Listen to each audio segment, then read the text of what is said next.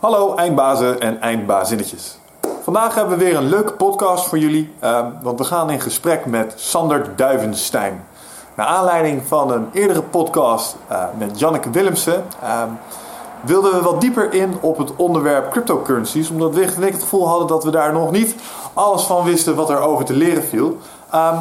Ehm, en we hebben dus een ware specialist op dat gebied in huis gehaald. Um, Sander is een trendwatcher die regelmatig op televisie te zien is als het gaat om dit soort onderwerpen.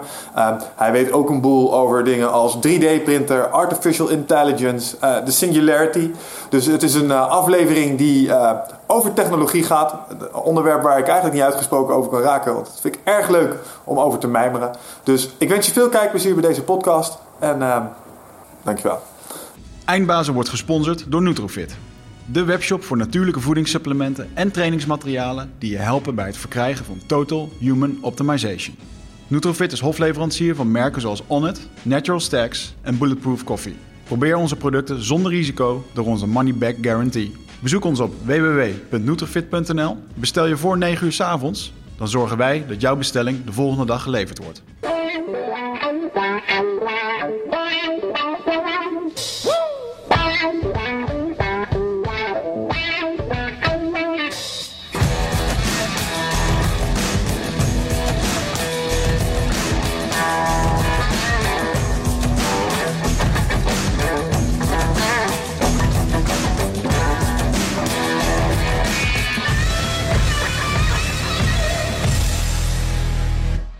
Gerrit, laatst, uh, laatst hadden we een podcast met uh, Janneke Willemsen.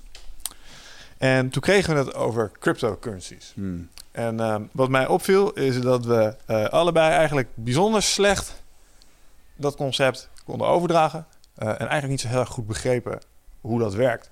een beetje klok-klepel idee. Ja. Dus um, het leek mij wel interessant, omdat we toch wel een beetje technology geek zijn uh, hier bij Eindbazen. We vinden het leuk om na te denken over wat technologie allemaal met de wereld doet. En wat voor impact dat heeft. Om daar toch nog maar weer eens wat uh, dieper op in te gaan en wat langer over door te praten. Mm -hmm. um, en vandaag hebben we in de studio zitten Sander Duivenstein. Sander, welkom. Dankjewel. En uh, ik heb begrepen dat jij wel een eindbaas bent op het gebied van cryptocurrencies. Klopt dat? Eindbaas, beginnersbaas dan. Beginnersbaas, dus, oké. Maar je weet er wel het nodige vanaf, heb ik begrepen. Oké. Nou ja, ik heb er uh, twee, drie jaar geleden samen uh, destijds met, uh, met Patrick Saval... een van de allereerste rapporten geschreven over, over bitcoin... maar dan met name ook over het onderliggende systeem, de blockchain. Dat dat wel eens vele malen groter zou worden dan het cryptografische muntje. En dat zie je nu een beetje, sinds 2015 zie je dat een beetje doorcijpelen in onze... in het bedrijfsleven, bij overheden, dat ze daarover aan het nadenken zijn. Ja, want als we nou even helemaal uh, teruggaan naar de basis. Bitcoin is dus blijkbaar een soort merk van een onderliggend concept. De cryptocurrency, dat noemde je blockchain. blockchain. Ja, maar wat gebeurt daar precies? Hoe kan het zijn dat zo'n digitaal ding geen bank nodig heeft? Nou ja, kijk, wat, wat uh, zijn gewoon twee hele grote verschillen. Aan de ene kant heb je de bitcoin, het cryptografische muntje, het digitale geld. aan de hm. andere kant heb je het uh, systeem, het protocol waarop die bitcoin draait. Dat noemen ze de blockchain. En wat die heel interessant maakt, is dat het een soort van uh, ja, gedecentraliseerd, gedistribueerd grootboek heeft. Dus iedereen die op dat netwerk zit, heeft eenzelfde kopie van dat grootboek. Hmm. Dus je kunt uh, alles wat erin geregistreerd wordt, is voor iedereen zichtbaar. Hmm. En je kunt alles wat ook weggeschreven wordt, je kunt het ook nooit meer wissen. Uh, het is de waarheid, het is one single source of truth. En dat maakt het interessant. Aha. Want je kunt dus elke vorm van eigendom of elke vorm van waarde, elke vorm van een transactie kun je daarin registreren. En dat betekent dus eigenlijk dat je geen tussenpartijen zoals uh, verzekeraars, uh, banken, pensioenbedrijven, uh, gemeentes, overheden, wat al niet meer nodig hebt. Betekent dat dan ook dat als Wicht en ik allebei Bitcoin gebruiken, dat ik ook als eindgebruiker inzicht heb in zijn transacties? Ja. Dus er is complete transparantie. Het is, ze noemt ook wel pseudo-anoniem. Hmm. Dus de, de, de, de wallets, de portemonnees waarin jouw bitcoin zich bevinden, dat kun je eh, trekken en tracen. Je kunt zien wat erin gaat en wat eruit gaat. Dat is hmm. allemaal te achterhalen. Alleen het is niet één op één te achterhalen dat jij dan bij spreken die wallet hebt. Ja, oké, okay, oké. Okay. Dus wallet ID is het wel, maar je weet niet wie de persoon is achter de desbetreffende. Op, oh ja, eigenlijk niet, totdat je jezelf eh, bekend gaat maken. Dan is het natuurlijk wel te traceren. Ja. Hm. Oké. Maar kijk, nogmaals, die, die, die bitcoin, dat muntje, dat is heel erg fantastisch. Eh, dat het überhaupt kan. Eh, voor bepaalde doelgroepen in deze wereld is dat heel handig. Als jij als eh, arbeider uit India en Amerika gaat werken en je wil je verdiende geld overmaken naar je thuisland. Via banken moet je volgens mij iets van 17% betalen om dat te doen. Ja. Terwijl het via bitcoin eh, is het slechts eh, 0,01 cent of zoiets. Mhm. Daar is het heel handig voor. Maar ja, nogmaals, die bitcoin, dat muntje, is niet het meest interessante. Het gaat om het onderliggende grootboek. Omdat je nu, als je nu kijkt naar de wereld waarin we leven, heb je hele eh, grote centrale instanties waar duizenden en duizenden mensen werken. Ja. En die allemaal op hun eigen database zitten, waarin ze registreren eh, wat voor hun is. Mhm. En in een decentrale wereld van, van blockchain heb je dus een gedecentraliseerd grootboek waar iedereen in kan kijken. eh, waar diezelfde registratie in plaatsvindt. En dan heb je dus op dat moment heb je dus die grote bedrijven niet meer nodig. Ja. Dus dat klinkt als een eh, behoorlijk eh, disruptive technology in dat opzicht. Ja, ja het, wordt ook, het wordt ook wel, Bitcoin en blockchain wordt ook wel de missing piece of the internet ge- genoemd. Voorheen konden we eigenlijk niet goed eh waarde naar elkaar overdragen. Denk bijvoorbeeld maar aan een eh, MP3'tje. Eh, iedereen kan het kopiëren en plakken naar elkaar toesturen. Ja. Eh, er is geen digitale schaarste. En via de blockchain kun je dus wel digitale schaarste ga- garanderen. Hmm. Hmm. En dat maakt het zo interessant. Ja. De, ehm, is dit typisch zo'n technologie, eh, net zoals bijvoorbeeld destijds inderdaad het delen van mp3's voor de muziekindustrie? Zou dit hetzelfde kunnen zijn voor een financiële markt? Zien zien ze dit aankomen? Want dit klinkt alsof het alles op de kop gaat zetten. Nou, gaat er, ja, nou zien ze het aankomen. Eh, als je kijkt naar hoe het, het verhaal in de media is gepositioneerd. 2014, 2015 eh, werd Bitcoin heel erg zwart gemaakt. Ja. Het is een nieuwe. Het is een manier om zwart geld wit te wassen. Het nieuwe piramidespel. Ik geloof Paul Krugman, Nobelprijswinnaar van de economie, die noemde het gewoon pure evil. Dus ook gewoon echt niet doen. Maar allemaal concentreerden ze zich op dat muntje. Terwijl ze het grotere protocol wat eronder lag eh, over het hoofd zagen. Wat was het argument om het pure evil te noemen? Nou ja, omdat toch eh, een aantal malen zijn een aantal zaken geweest waarbij gewoon heel veel geld verdwenen is. Ja. Eh, Mountain Gox is zo'n online conversiebedrijf geweest voor, voor wisselkoersen. Dat je van je dollars bitcoins kon maken. Welke En was dat? Sorry? Welk bedrijf was dat? Mountain Gox. Een, eh, ja, een van de eerste bedrijven die zich, waar, waarbij je dus geld kon wisselen. Waarbij je bitcoins kon wisselen voor echt geld en vice versa. Ja. En die is met een grote zak geld is die er vandoor gegaan. Dat is gewoon meerdere malen gebeurd. En dat vinden mensen dan eng. En dat wordt natuurlijk heel erg uitvergroot in de media. Ja. ja, begrijp ik. Dat is dan omdat Bitcoin een grote start-up industrie aan het worden is. Dat er allerlei start-ups komen waarbij dan dit soort dingen gebeuren. Terwijl, ja, Ja, weet je, eh, een paar weken geleden, een bank in Bangladesh eh, had ook een foutje in het protocol eh, met betalingssysteem. Daar was 81 miljoen dollar verdwenen. ja, En wow. ja, dat, Ah. dat, dat verschijnt dan in een heel klein berichtje in de krant. Hmm. Terwijl bitcoin en blockchain meestal gewoon voorpagina nieuws is. Je zult de gast zijn geweest die dat op zijn naam heeft. Ah, ik heb hier, eh, ja, dan ben je wel een big motherfucker. Heb je nog wat dag. Maar ik eh, heb hiervoor in een financiële dienstverlening gewerkt in de elektronische betalingen. En ehm, toen ben ik eh, een keertje naar eh, in Amsterdam naar een congres geweest waarbij die jongen, want het was echt gewoon een jochie van Bitcoin, Hmm. die die wiskundige berekeningen had gemaakt, of de mensen die het hoofd of dat erachter zat, die zat het daar te vertellen. En iedereen die zat daar hoofdschuddend van ja, dit is leuk als je drugs wil handelen online of verkopen. En Ja. doet niks. Ja, ja, ja. Maar ehm, je merkt ook dat eh, allerlei payment providers en banken, die hielden dit gewoon af. Want uiteindelijk, is het ook gewoon voor hun een, een gevaar om ernaar te kijken, om te integreren. Het, eh, weet je, ze zitten er helemaal niet op te wachten. Maar joh. laten we wel wezen, hè? laten we even naar onszelf kijken als ondernemers. Ik heb al lang zitten kijken of ons platform, we hebben een online platform, of dat Bitcoin Ja. ondersteunt, ja of nee. En eh, ja, dat doet het. En ik heb het ergens op een ontwikkelagenda gezet dat ik dat moet gaan integreren. Ehm, ik denk dat ik dat veel interessanter vind als sommige betaaldiensten, omdat, ja, wat je al zegt, ik word hier met aanzienlijk minder kosten geconfronteerd. Eh, en dat vind ik boeiend, want als eh, het bulk van mijn omzet daar overheen gaat lopen, ehm, ja, nou ja, ik bedoel, het verschil tussen inderdaad 4% of 0,001% is fenomenaal. Dus dan ga ik liever voor die optie. Ja. Nee, nee, ja, mee eens. Maar dat is ook wat, wat kijk. Banken hebben natuurlijk een hele historie. Zo sinds de 17e eeuw eh, hebben we de balans uitgevonden, het dubbel boekhouden. En daaromheen zijn we elkaar geld geleend en kon de bank een beetje gaan bestaan. En dat is heel hun businessmodel. Eh, geld creëren en daar, daaraan verdienen. En nu wordt dat dus van ze weggehaald. En dan krijg je natuurlijk ja, de oude wereld ten opzichte van de nieuwe wereld. En wat wil de oude wereld doen? Ja, die wil het probleem bewaken waarvoor ze zelf ooit de oplossing waren. Wat doet dit, eh, vraag ik me dan ineens af, met het grote probleem dat we nu hebben. Dat we inderdaad, we maken geld met niet bestaand geld, zeg Mhm. maar. Hè? Als je kijkt, ik heb wel eens naar zo'n, eh, ik geloof dat Zeitgeist, dat was dus een documentaire, die legt het dan uit hoe zeg maar banken met hun fractal money systeem zeg maar steeds meer geld genereren dat er niet is. een dergelijke technologie kan alleen maar echte waarde bevatten. Dus dan gaat dat systeem vreselijk onderuit natuurlijk. Want nu bestaat dat geld allemaal wat we op onze rekeningen hebben staan... Mhm. bij de gratie van het feit dat we geloven dat het waarde heeft. Ja. Eh, maar jij zegt net, zo'n systeem, daar kan eigenlijk geen nepwaarde aan worden toegekend... want het is wat het is, zeg maar. Mhm. Daarmee gaat zeg maar, dat opgeblazen zeg maar, systeem wat we hebben... volgens mij vreselijk onder- onderuit. Want dat ding kan, snap je? Ja, oké, maar dat is al tijd overheen gaan. En ook dit, kijk, dat, dat, dat is het geld, eh, reputatie, alles heeft te maken met vertrouwen. En eh, nu leven we nog in een wereld waarbij we dus grote organisaties vertrouwen. Nou, en sinds de crisis van 2008 zijn we er ook achter gekomen dat die niet altijd te vertrouwen zijn. Dit, dit is iets nieuws. Eh, moeten we gaan geloven, moeten we gaan vertrouwen in de cryptografische algoritmes eh, die dit platform mogelijk maken. Ja. Dat is even een gedachtesprong. En mensen vinden dat het is ook heel ontastbaar, eh, onbegrijpbaar. Eh, het is ook heel moeilijk om uit te leggen hoe die cryptografie precies werkt. Eh, Ja, ja, en dan wil je ook, eigenlijk wil je er ook helemaal niet in verzanden.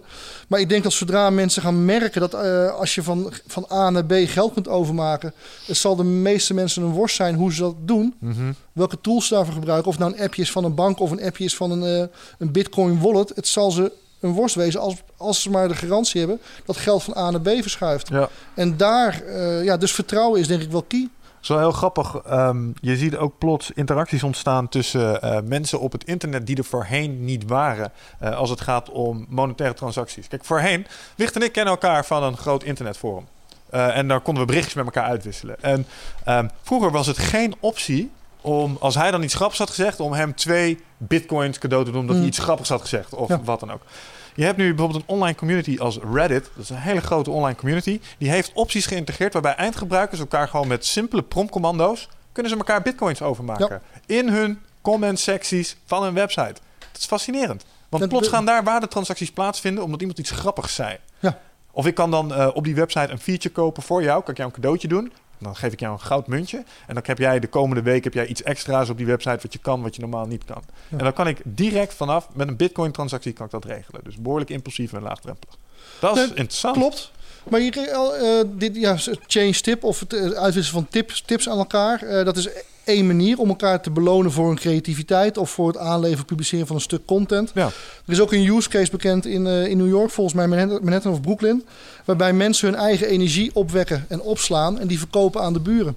Oh ja. En dat doen ze ook middels, ze hebben een eigen elektriciteitsgrid ontwikkeld, waarbij iedereen dus van elkaar energie kan lenen, elekt- elektriciteit kan lenen. En ze betalen elkaar uit in bitcoins, maar eigenlijk betalen ze elkaar dus elektriciteit. Ja. Elektriciteit wordt daar een betaalmiddel. En dat soort scenario's wordt dus mogelijk in een decentrale wereld. Hmm. Dat is interessant.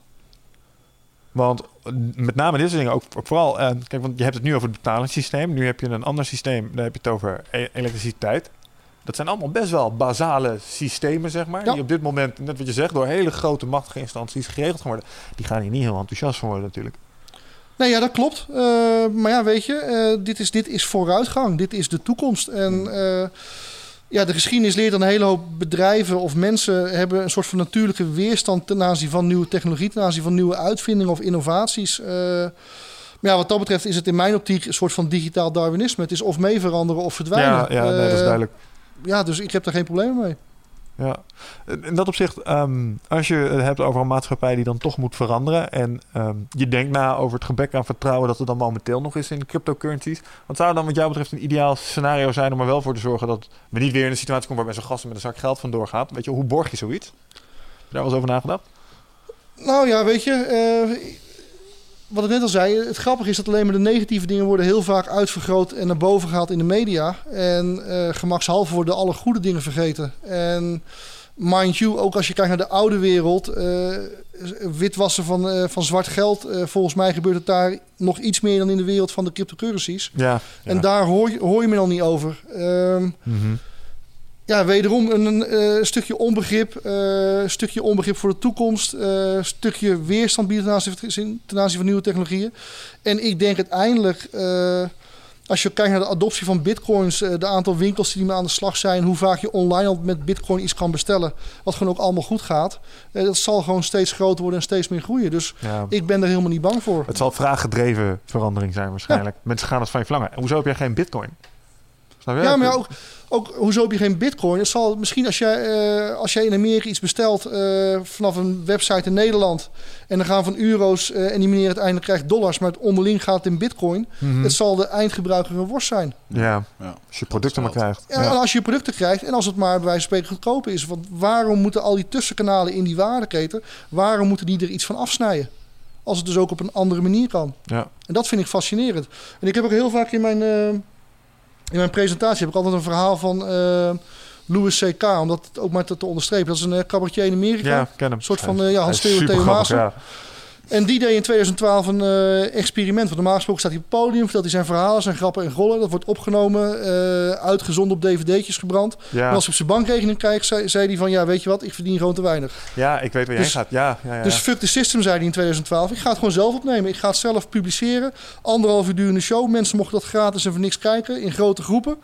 En eh, ik geloof, eh, aan het eind van de show eh, had hij zwart beeld, witte letters. Als je nou een paar keer gelachen hebt, verzoek ik je vriendelijk... maar het hoeft niet om geld te doneren op mijn bankrekening. ja, In 10 dagen tijd verdiende hij 1,2 miljoen dollar. ja. Had er nooit zoveel verdiend. Wow. En dit voorbeeld toont dus ook aan dat heel die waardeketen eh, overhoop kan. Want je kunt als producent van een goed of een dienst of een stuk content... kun je in één keer de eindgebruiker benaderen zonder al die tussenkanalen. Dit heeft een aantal andere cabaretiers in Amerika destijds ook geïnspireerd. Om bijvoorbeeld hun show dan wel in een ander model, maar wel aan te bieden. Maar eh, bijvoorbeeld niet inderdaad voor de 30 euro die het normaal Ja. zou kosten, maar voor maar 5 dollar. Ja. Want 5 dollar kun je wel over hebben voor twee uur entertainment. Dat was het idee. Ehm, en inderdaad, wat deden ze? They cut out the middleman. Gewoon zelf de productie regelen. Dus ja, ja, inderdaad. Nou, een beetje, krijgen hetzelfde idee is natuurlijk ook een beetje achter, achter Spotify of achter Netflix. Ja, Waar ook voor een groot deel de middleman er wel uitgaat. Dus je betaalt gewoon een subscriptie, een laag bedrag. En je hebt gewoon alle content naar je toe gestreamd die je wil. Netflix, idem dito. Ja. Ehm, kijk, ik heb me altijd ehm, in de oude dagen van het internet wisten we allemaal, eh, je mag eigenlijk niet, ja, het is wel wat discussie, mag het nou eigenlijk wel of niet albums downloaden? Als ik het nieuwe Kanye West album download, ben ik dan illegaal bezig? Je het brein vraagt wel natuurlijk. Brein vraagt wel, maar vol- volgens mij van een week stond weer een artikel in de krant dat ze in ieder geval niet erachteraan gaan. Ja. Ze gaan alleen de grote aanbieders, de grote sites die echt Maar ja, dingen Lang verhaal kort, als je een film downloadt of games, Ja. weet je wel, er, je, in principe, de- er is iemand die heeft de tijd gestoken en die loopt geld Ja. mis. En dat voelt eigenlijk een beetje fout. Ja. Ehm, maar op het moment dat je mij inderdaad een dienst aanbiedt als Spotify, waarbij ik voor een redelijk bedrag, een tientje volgens mij, per maand gewoon een hoge kwaliteitsmuziek kan hebben, alles wat ik wil, prima. Dat klinkt heel redelijk en dat is volgens mij gewoon ook een eerlijk model. Hetzelfde geldt voor Netflix. Nou, mensen zijn ook, bereid, mensen zijn ook eh, daadwerkelijk bereid om te betalen voor, Yep. eh, voor kwaliteit. En eh, wat is het, 8 euro of 10 euro voor, voor Spotify of Netflix? Ik heb het ook allebei. En ik ben ook iemand geweest die vroeger downloadde. Eh, en nu, ja, ik weet niet of ik het afkoop, maar ik vind het gewoon wel heel makkelijk. En mijn kinderen, Nou, dat is het. kinderen ook. Ja. Eigenlijk misschien is het nog wel minder altruïstisch als we het nu doen voorkomen. Van de artiest kan ook, maar eigenlijk koop ik gemak. Ja. Want ik heb geen zin meer om naar de Pirate Bay te gaan. En met dat ik aan het downloaden ben, ook allerlei virussen binnen te halen. Weet je, want Ja. je moet altijd maar afvragen wat je weer binnenhaalt. En dan kom je erachter dat het in het Russisch was. Met Ja. de CGI er nog niet in, weet je wel. Dus het is ook onhandig. En je bent er eigenlijk best wel veel tijd aan kwijt. En ook daar zie je dus ook weer een verandering van model. Ehm, laatst zat ik met mijn eh, jongste dochter, Mijntje, tien jaar, zitten we in de auto. En ja, ik kom uit de zuiden, dus zuiden. Dus nummer van Gers Bedoel op de radio van Ga je mee, ga je mee. Die, die Limburgse rapper. Tilburgse rapper overigens. En eh, van, van Ga je mee, ga je mee. Dat was afgelopen op de radio. Toen zei mijn dochter, eh, papa nog een keer. Toen was ja, tien jaar. En toen was ik helemaal verbaasd. Want toen moest ik mijn dochter dus het concept uitleggen van een radio. Ja, Omdat bij ons thuis alles is gestreamd. Eh, YouTube, Ja. Spotify, Netflix. Op een hele andere manier nemen ze Ja. ja. materiaal tot zich. En ze willen gewoon toegang tot een stream hebben... in plaats van het bezitten van een dvd of een boek. Eh, ja. Dus ook daar zie je weer dat die wereld helemaal aan het veranderen is. Van, van centraal naar decentraal met de grappig. consumer aan de macht. brengt de wereld ook wel weer bij elkaar. Of generaties weer bij elkaar. Ik was laatst eh, bij mijn neefjes. Mijn neefje is like vijf of zes. En op Netflix was er een nieuwe serie uitgekomen. Die ik vroeger keek toen ik klein was. Voltron. Ja. Die, die keek vroeger op de DJ Catcher op Skynet. Volgens mij was dat al. Een oude tekenfilm. Maar die hebben ze helemaal opnieuw uitgebracht. Ja. En ik had er maar eens zitten kijken om nostalgische reden. Mijn neefje van zes zit op hetzelfde netwerk. Op Netflix. Ziet dus dezelfde nieuwe releases. Dus wij zitten dezelfde tekenfilms met elkaar te kijken. En we vinden het leuk. Dus wij hebben een inhoudelijk gesprek over een tekenfilm. En mijn zusje zit echt naast zo in. Jezus Christus. Mooi. Ja. Je wordt ook nooit volwassen. Ik weet nog dat er een jongetje bij mij in de klas zat. Die, eh, en dan heb ik het echt over jongetje. Want ik was toen in groep 3, dan ben je zeven of zo. Ja. Zes of zo. Maar waar zijn vader, die was echt fucking stinkend rijk geworden met eh, communicatiebedrijf, telefoonlijnen.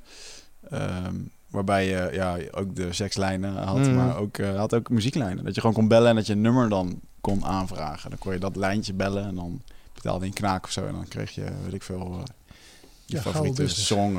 echt, toen was het gouden business, ja, Ja. zeker. Wij Maar- hadden vroeger apparaatjes, kon je dat hacken. Kon je toontjes op een telefoon zetten. Dan kon je naar al die lijnen bellen zonder Ja. dat je hoefde te betalen. Ja. En onlangs zat ik toevallig nog te denken over videoclips. Like, vroeger, wow man, toen was een videoclip was echt, dat moest wel echt goed zijn, want je kwam Mhm. gewoon overal ter wereld op televisie. Ja. En nu heb je gewoon 300 kanalen waar, eh, ja, Ja, Ja, en videoclip videoclip, wel. ja, het moet er nog steeds wel goed uit. het moet er zelf nog steeds goed uit moeten zien, maar het heeft wel allemaal een stuk minder waarde gekregen volgens mij. Mhm. Niet zo'n impact als vroeger. Ja. Maar goed, en dat op zich, ja, het klopt wat je zegt. Je ziet een, eh, je ziet complete verschuiving van het, eh, van het businessmodel. En het is grappig over, om daarover na te denken wat er nog meer aan dat soort ja, nieuwe diensten gaan ontstaan. En waar nu, zeg maar, best wel traditionele, ehm, nou ja, kijk naar bijvoorbeeld wat Uber doet. Ja. Hè, die zetten ook weer iets traditioneels eh, volledig op de kop. Of eh, wat dat, Airbnb of zo?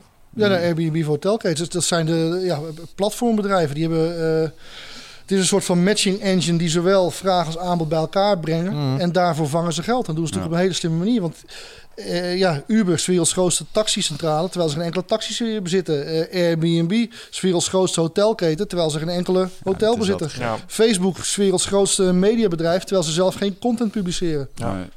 Ja, en dat is dus ehm, iets dat brengt ons even bij eh, een concept. Daar hadden we het eh, voordat we begonnen met opnemen, hadden we het daarover. Ehm DAO, zeg maar. Ja. Dat, eh, je ziet dat organisaties steeds decentraler zichzelf gaan inrichten. En je had daar wel een paar interessante dingen over te vertellen. Want dat gaat misschien nog wel verder als we in eerste instantie denken. Want nu Ja. doen we dat decentraal met mensen. We zaten heel trots te vertellen. Oh, het op de Tim Ferriss manier. Ja, het is schijnig. Maar dat kan je, zelfs met software kun je dat helemaal Ja. inrichten. Kun je daar nog eens iets over vertellen? Nou, er is, er is een. eh, eind april is de, een DAO gepubliceerd, een decentraal autonome organisatie. Twee Duitse broers. eh, die hebben een stuk software geschreven. Op die, eh, op die blockchain. Hm. Dat is eh, ja, zichzelf uitvoerende software. En die software bevat ja, het business statement, de strategie, de business rules van dat bedrijf. Dat hebben ze gelanceerd en dat is geëxecuteerd. En wat je eigenlijk hebt is een stukje software over een soort van, ja, dit, dit geval een Ethereum wallet. Dus over een, weer een soort van Bitcoin bankrekening. En dat stukje software vraagt eigenlijk aan mensen van wil je alsjeblieft geld op mijn rekening storten? En als je dat doet, dan krijg je van mij digitale aandelen. En dat heeft, die inschrijvingsperiode heeft een maand geduurd. En uiteindelijk, eh, ik geloof iets van 20.000 mensen hebben daar geld naartoe, naartoe gepompt. Hebben daar digitale aandelen voor gekregen. En nu komen we in een periode uit waarbij mensen mogen, die die aandelen hebben, mogen projectvoorstellen in gaan dienen. En als de community, eh, al die aandeelhouders daarover gaan stemmen en ze vinden jouw voorstel goed, dan krijg je vanuit dat investeringsfonds, het Mhm. virtuele investeringsfonds, krijg je geld overgemaakt. En er zit dus een waarde, zeg maar, propositie aan dat project. En daarmee ga je geld verdienen voor al die investeerders. dat is want- het idee. Ja, want al die, me- die, die 20.000 mensen hebben totaal nu volgens mij bijna voor 200 miljoen dollar aan geld overgemaakt. Juist. Dus als jij dus een start-up bent en je hebt een krankzinnig idee, dan kun je dat nu indienen. En dan krijg je dus geld vanuit die DAO krijg je toegestuurd. En dan kun je dus je start-up mee gaan runnen. En met de winsten die je maakt, eh, die worden dan terug, voor een gedeelte teruggestopt in die DAO. En dan worden dus de aandelen daarvoor uitbetaald. Of ze kunnen zeggen van weet je wat, we gaan dat geld weer investeren in een andere start-up. Maar is dit niet een overgeautomatiseerde Kickstarter dan? Ja, absoluut. Dit is, dit is het allereerste virtuele investeringsmaatschappij.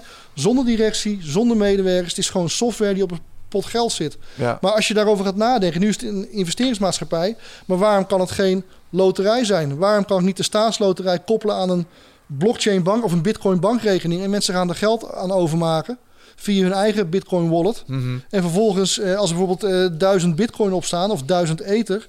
En daarna zegt het algoritme van nou, ik doe een willekeurige greep uit de, de mensen die geld overgemaakt hebben. En jij wint nu 1000 bitcoin. Mhm. En hop, dan kan er weer nieuw geld gehaald, opgehaald worden. Ja. Ja, interessant.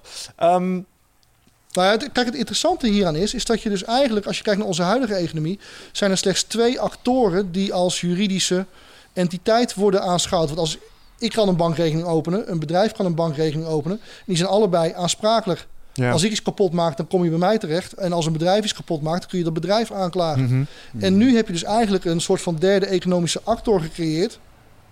Die een stukje software die een bitcoin bankrekening heeft. Nou, hoe zit het met de aansprakelijkheid gesteld?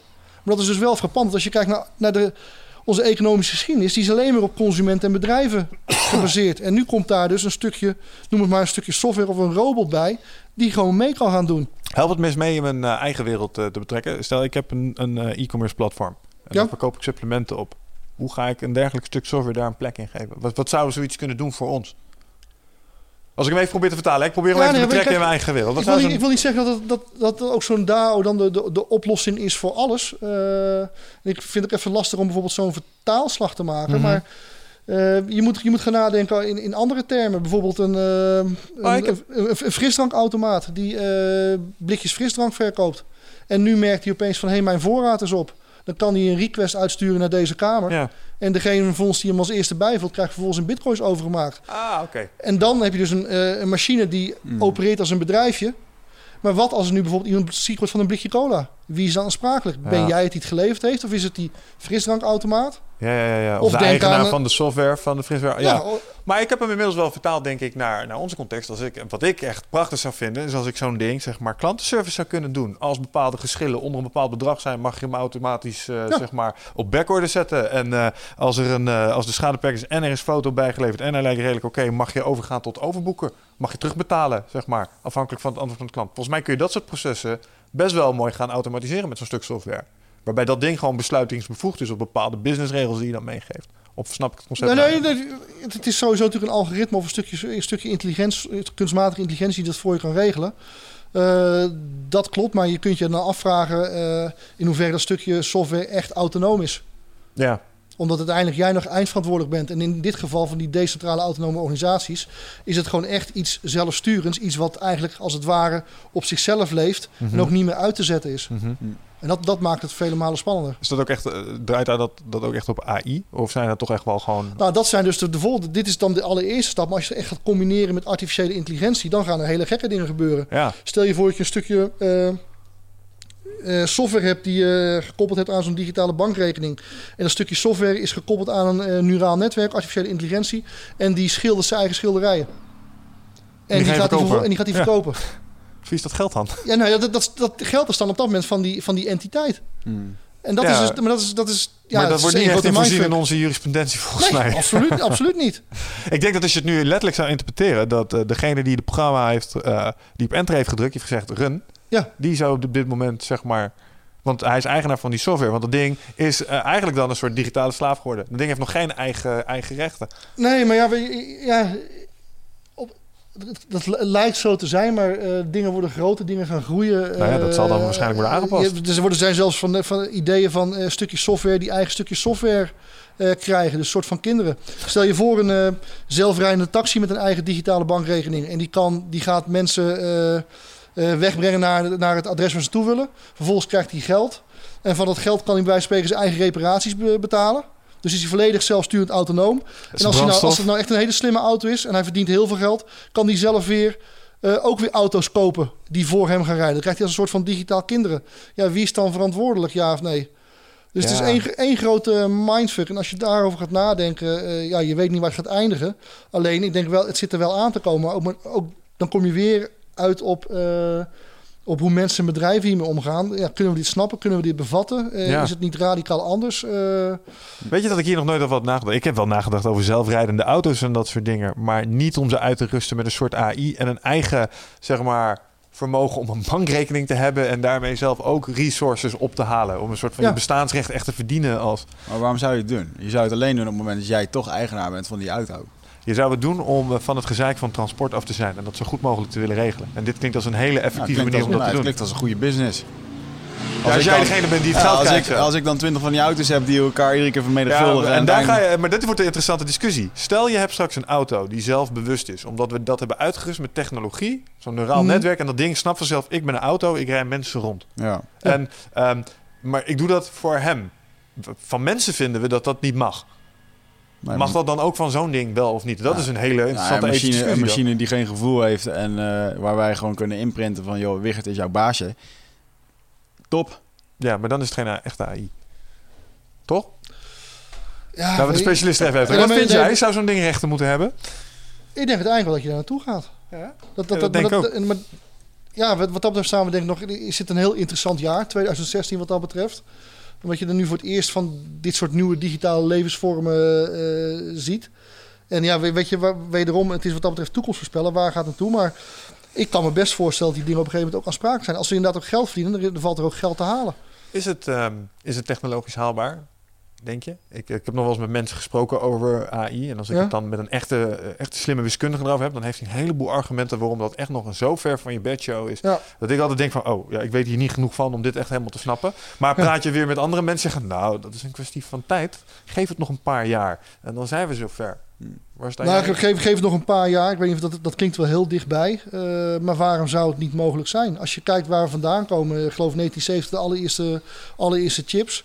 En nu heeft iedereen een eh, supercomputer in zijn binnenzak. eh, Hmm. De smartphone waarmee je heel de wereld kan besturen. Hmm. En zo'n zo'n zo'n smartphone is, is krachtiger dan eh, menig mainframe die we vroeger hadden. Was het niet zo dat dit ding meer rekenkracht heeft als dat ding dan ons naar de maan bracht? Ja. Dat, dat is het grapje Ja. toch? Ja.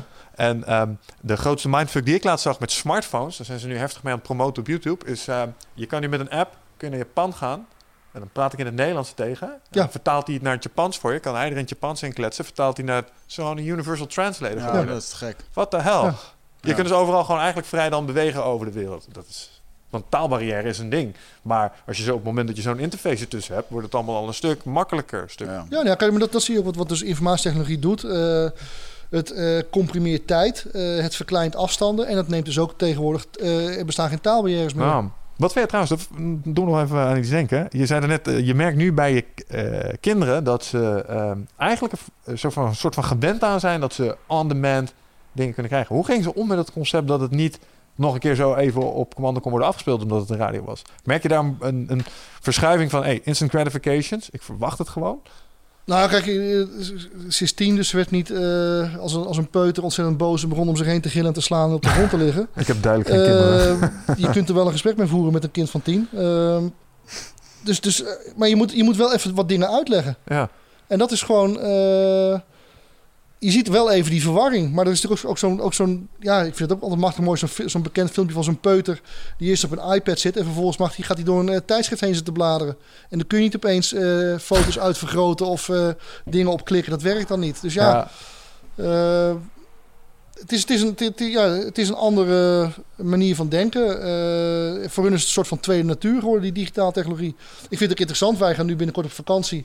En een van de eerste dingen waar mijn kinderen om vragen... er is toch wel wifi? ja, dat snap Ja. ik. Een soort, soort van levensbehoefte wordt dat. Ik Ja. heb mijn neefjes laatst laten horen hoe het klinkt, eh, hoe een oude modem klonk die inbelde. Ja. Begreep ze echt niet. Nee, Wat fuck is dit? piep, piep, piep. Maar Ja, wat dat- gaat hier nee. dood? Nee. ja. Nou ja, dat, begrijpen ze ook niet, nee. Ja, mooi. Maar dat hoeft ook niet meer. Want eh, weet je, eh, er komt bij mij kraan, eh, verwater uit de kraan. Hoe het werkt, eh, geen flauw idee. Er komt elektriciteit en stopcontact. Hoe het werkt. Ik heb er nog wel enig idee van, maar het maakt Ja. er niet meer uit. En dat zie je dus ook met, met informatietechnologie, met internet. Het is een soort van, van, van nutsfunctie. Ja. Ja, en, toch denk ik dat ehm, als je kijkt naar... Ik vraag me dat wel eens af, hè. Als je kijkt naar mijn vader, die heeft... eh, die heeft zwart-wit tv's zien ontstaan. Zeg maar, oh, als je nog, mijn grootouders zijn helaas allemaal overleden, maar die hebben inderdaad geen tv, naar tv, naar kleurentelevisie, naar teletext, naar internet, naar alles wat we nu hebben, zeg maar. Die, die groei, eh, die ontwikkeling, die is onmiskenbaar aan het versnellen. Ja. Hè, onze maatschappij die kan eh, binnen de kortste keren kan er iets gebeuren. Zoals de snelheid waarmee tablets en iPhones, en smartphones, zeg maar, hun intrede hebben gedaan. Die, die levenscycli die lijken alleen maar toe te nemen. Ehm, en er zijn een aantal technologieën die zijn daar best wel drijvend in. En, nou, je hebt een, een trendwatcher, dus je Mhm. denkt over dat soort dingen na. Nou, we, hebben, we hebben AI al een beetje geraakt. Stel dat zou tot bloei komen en het zou echt gaan ontstaan.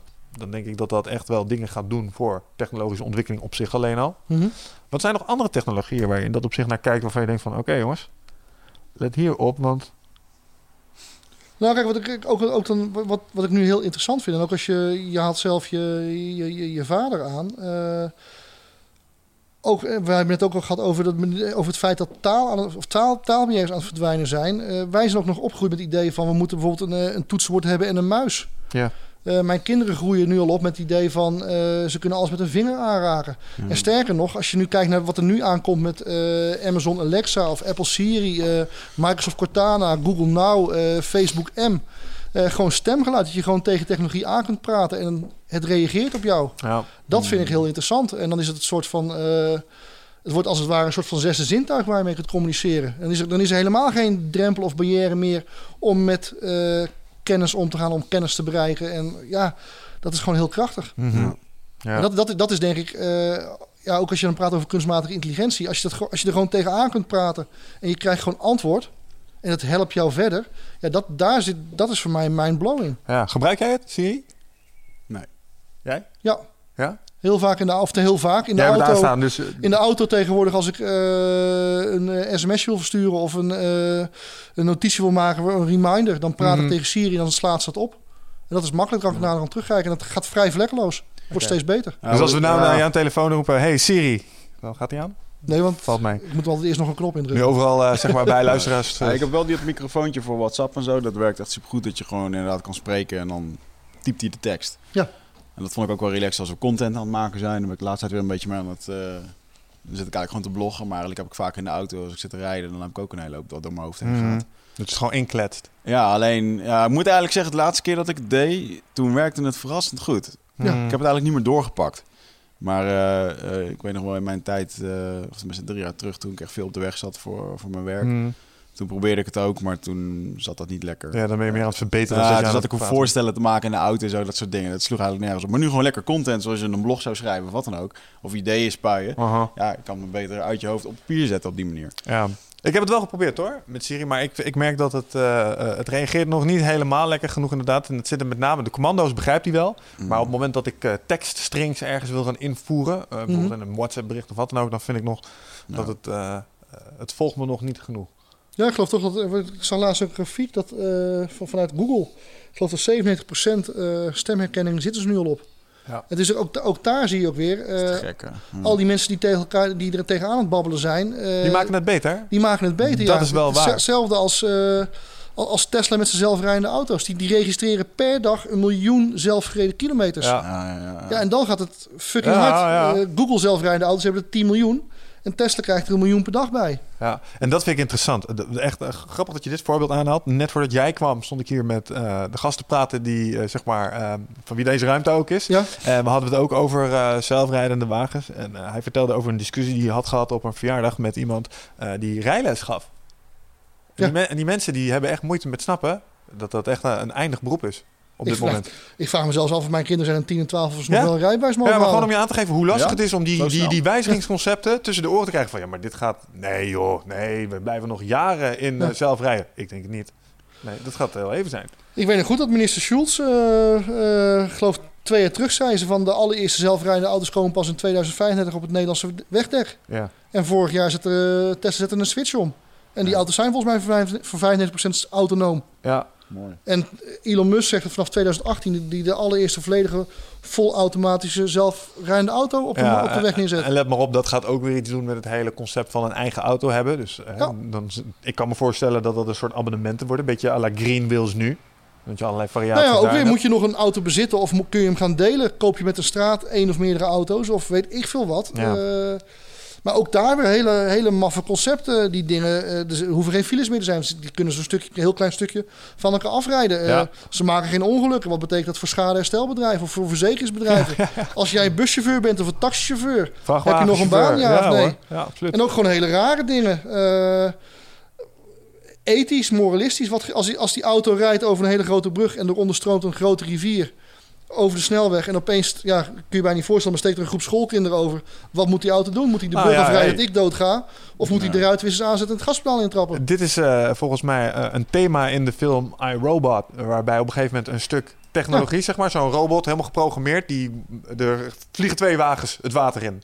En dat ding dat springt het water in en dat berekent de overlevingskans en laat een, eh, een meisje zeg maar naar de bodem zinken, terwijl die de hoofdrolspeler redt omdat de overlevingskans het grootst was. Ja. Terwijl een mens waarschijnlijk een andere keuze had gemaakt omdat een klein kind. Ja. Hè?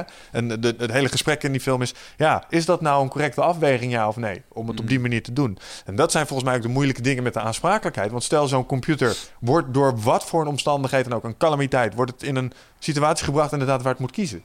Inderdaad, of die groep schoolkinderen Ja. omverrijden, of berekenen dat het anders die vrachtwagen raakt, daar nog zes auto's mee van de baan afkukelt. En dat netto gezien daar 18 mensen mee doodgaan en nu maar drie. Zulke afwegingen moet zo'n ding kunnen maken. Dat is creepy. En ja, maar dat, dat is, dat- maar nu, heb je, het- nu heb je het over één zelfrijdende auto's. Maar stel je nou zo'n eh, druk kruispunt voor met eh, een heleboel voetgangers, fietsers en auto's.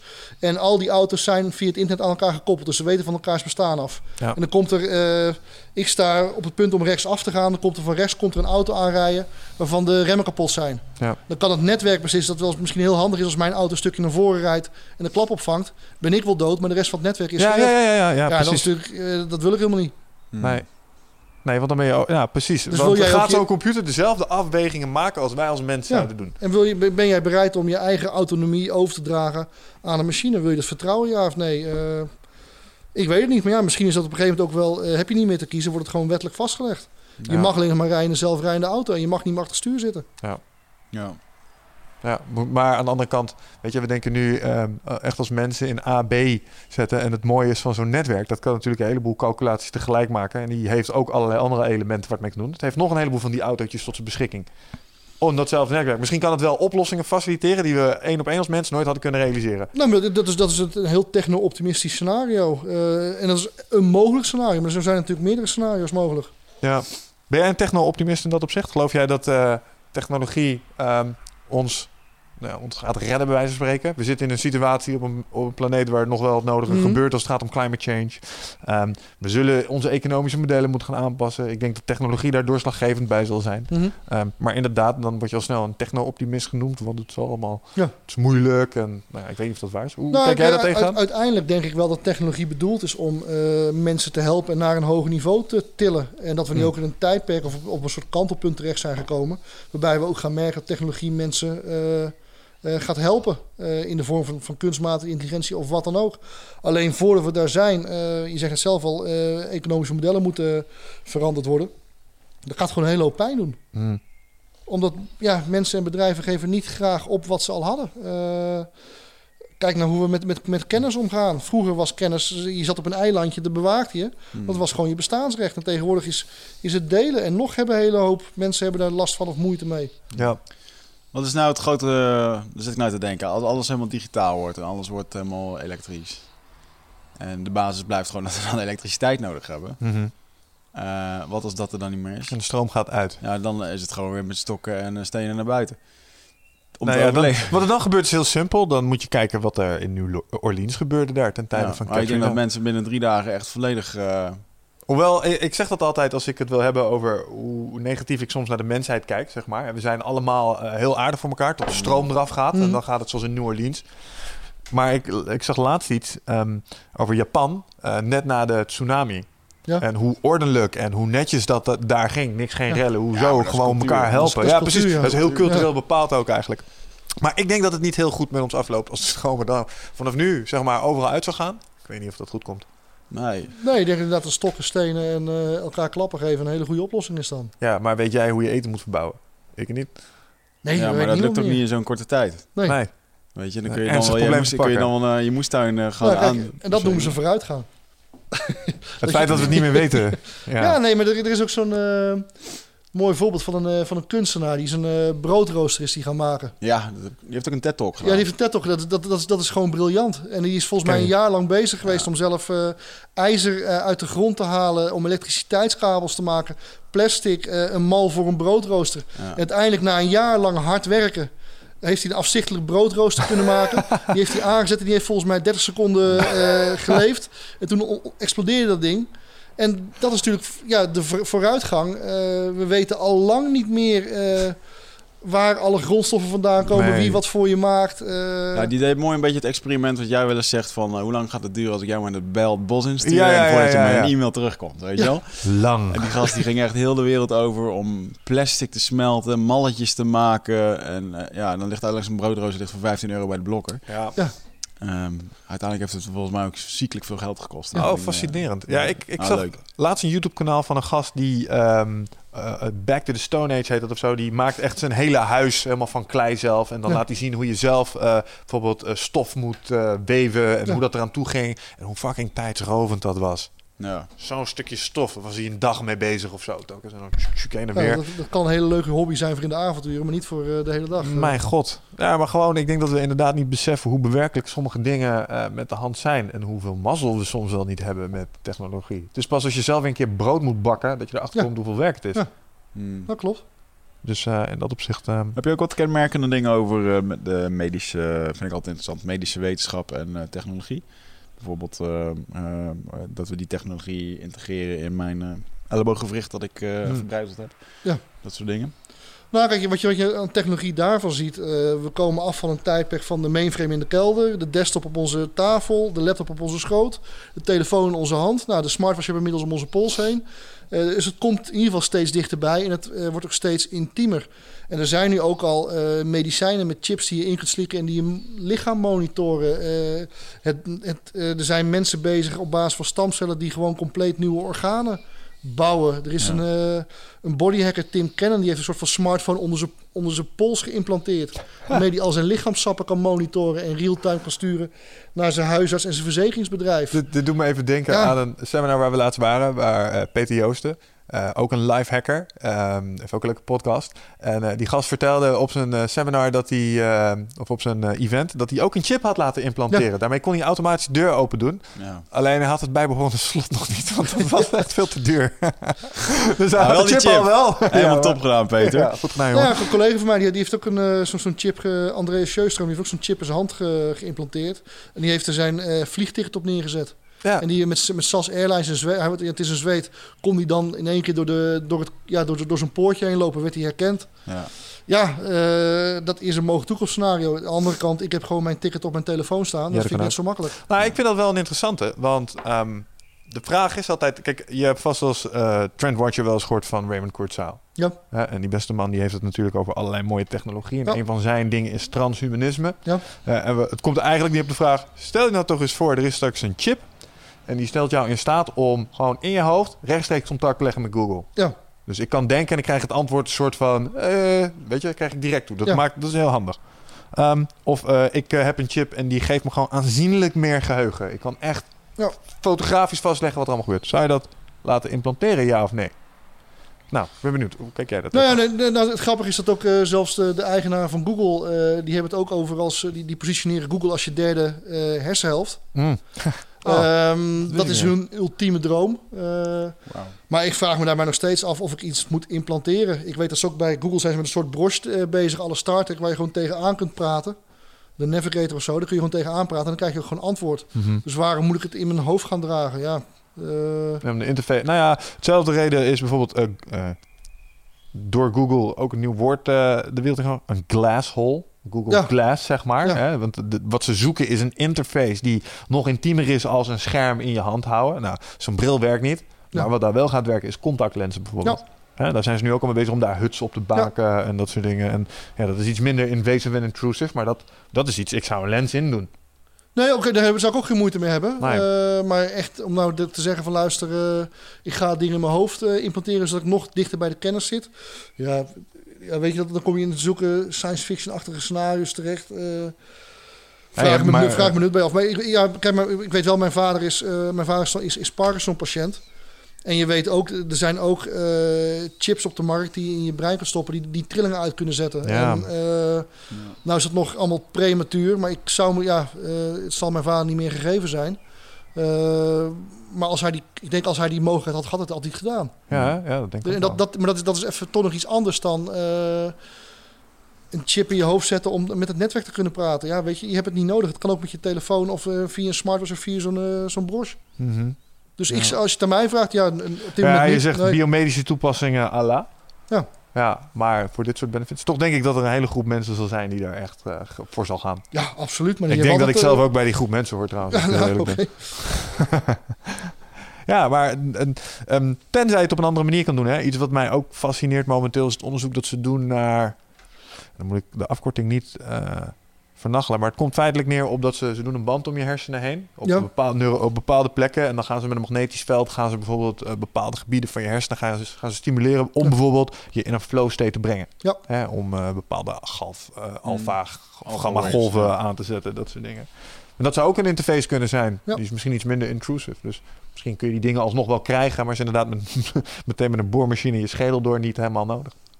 Dus ja, klopt. Eh, ja, maar ja.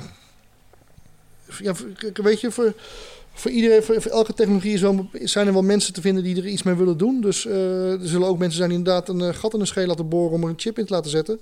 En er zullen ook een heleboel mensen zijn die eh, ja, met zo'n apparaat op hun hoofd aan de gang gaan gaan. Ja, maar dat, dat, ook dat, dat is minder intrusive. Eh, ik zou dat eerder doen dan dat ik inderdaad dingen in mijn lichaam laat zetten.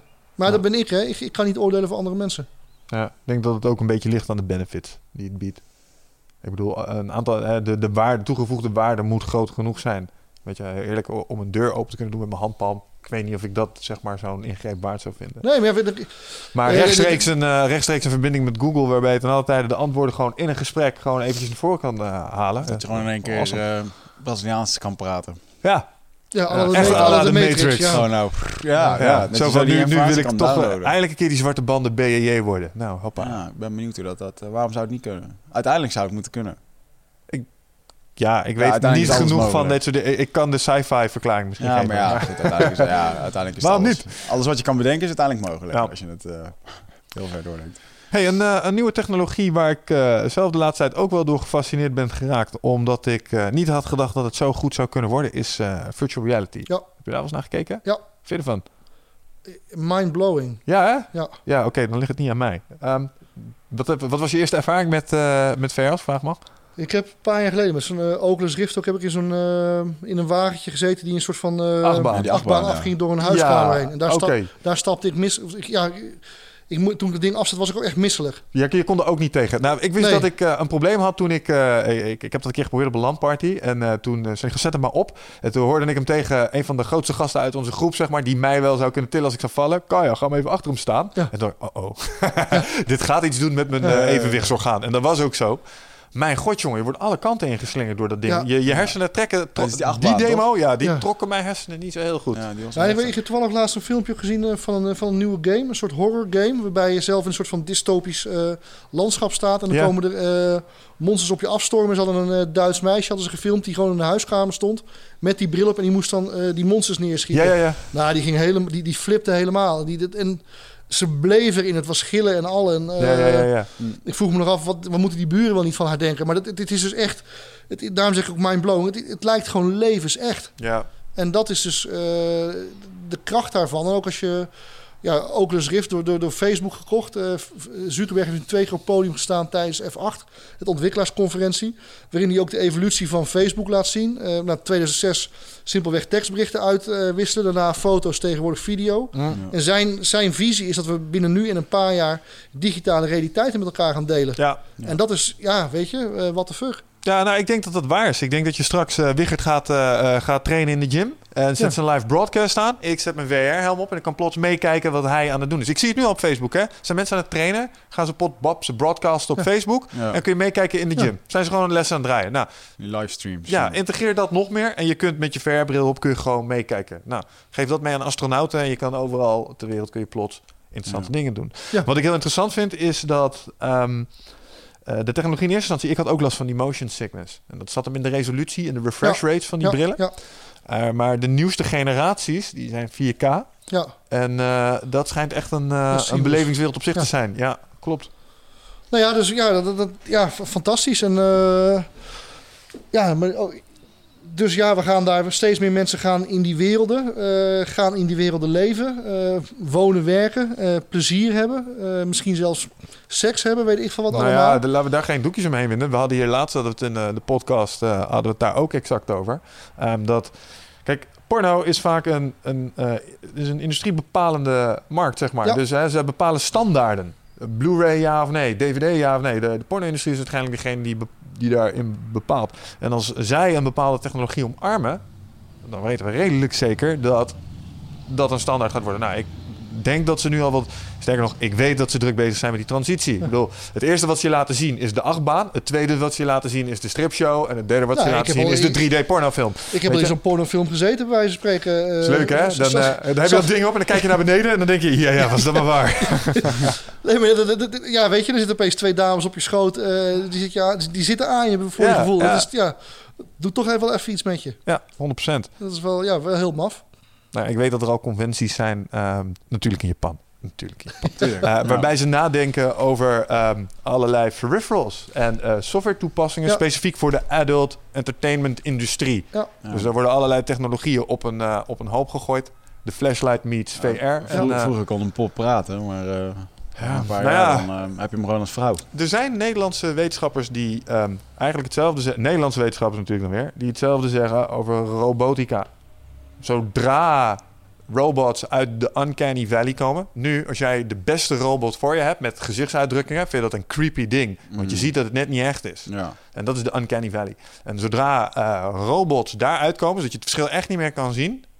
Ja, er worden nu ook al aan de lopende band real dolls verkocht. ja. Als je niet weet wat een real doll is, Google maar eens. Snap je? Eh, en stel je nou eens voor dat dat ding gewoon ook praten, kan praten, aardig zijn en de afwas kan doen. Snap je? Dat Met name dat laatste is heel klinkt belangrijk. ideaal. En je kan het eruit zetten ook. Ja, ik Ja. weet niet.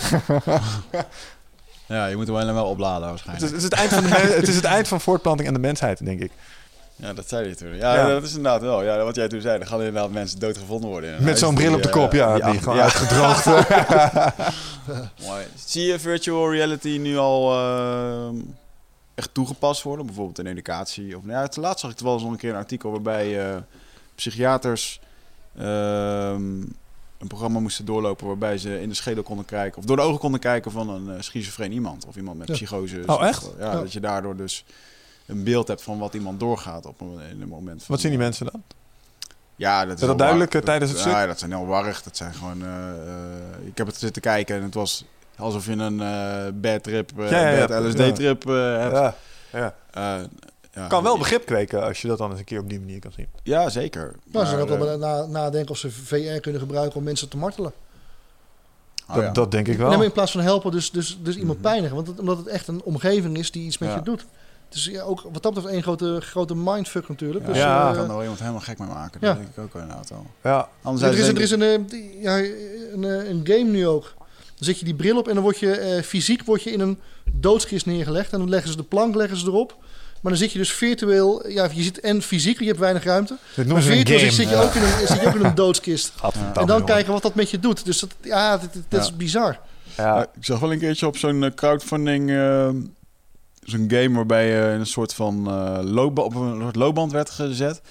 En dan kon je dan echt als een soldaat eh, rondlopen Omni. met van die stappen en Ja, dingen. ja, ja, en naartoe. Dat is echt super levensecht, man. Het, het kan wel een revolutie betekenen op het gebied van, eh, eh, zeg maar... het probleem wat gamers nu hebben is dat ze te veel stilzitten, zeg maar, achter die computers.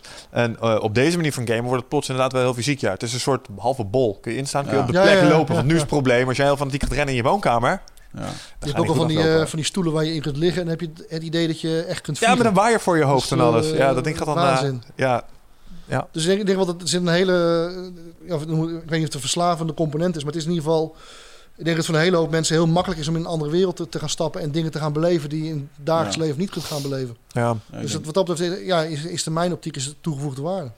Ja, als je... Kijk, ik ben iemand... Ik ben, ehm, ik ben wel eens verslaafd geweest aan een computerspelletje. World of Warcraft. Ik heb echt een tijd Ja. gehad dat dat echt... Dat is digitale heroïne. Ja. En ehm, als ik nu de vertaalslag al maak... Die wereld met deze technologie... Zonder motion sickness... Ja, dat was Ja. niet goed gekomen. Ja. Dit was al een probleem. En hier zat er nog een scherm, eh, zat er een scherm tussen. Dus ik kon nog zien dat mijn vriendin door de woonkamer Ja. loopt. Maar als ik in die helm zit, dan Nee. krijg ik dat zelfs niet eens meer mee. Dan hoor ik misschien op de achtergrond een keer... hey, zijn die eens een keer gaan douchen, stinkert? Weet je Ja. wel? Dus ja. Dus ik kan me voorstellen dat dat ook nog wel weer een, eh, ja, een aantal nieuwe interessante problemen Ja, met zich mee zal brengen in de wereld. Absoluut. Ja. Hmm. Oké, ehm, een andere die ik ook ehm, in dat kader interessant vind... en die ligt ook wel een beetje tegen de gezondheid aan... want je had het net over het eh, kweken eigenlijk van organen. Ja, Ehm, dat, dat lijkt wel een beetje op 3D-printen. Ja. 3D-print is ook iets wat, eh, wat volgens mij wel een gamechanger zou kunnen zijn. Hey eindbaas en luisteraar, dankjewel dat je zit te luisteren naar deze podcast. Ik onderbreek hem eventjes voor een hele belangrijke boodschap. Of misschien liever gezegd een uitnodiging. Want op 24, 25 en 26 mei, dan is er weer een nieuwe editie van Ride of Passage. Dat is mijn retreat voor persoonlijke ontwikkeling. En speciaal voor de mensen die op zoek zijn naar, ja, naar, helderheid. Of dat ze lastig bij hun gevoel kunnen komen. Dat ze moeilijke beslissingen moeten maken. En dat ze zo ontzettend in hun hoofd zitten ja, dat ze er eigenlijk gewoon niet meer goed uitkomen. Of dat ze misschien al heel lang in een, ja, een soort van oud gevoel zitten. dat ze dat gevoel willen transformeren. Of misschien wil je gewoon een oud stuk achter je laten, ergens een punt achter zetten.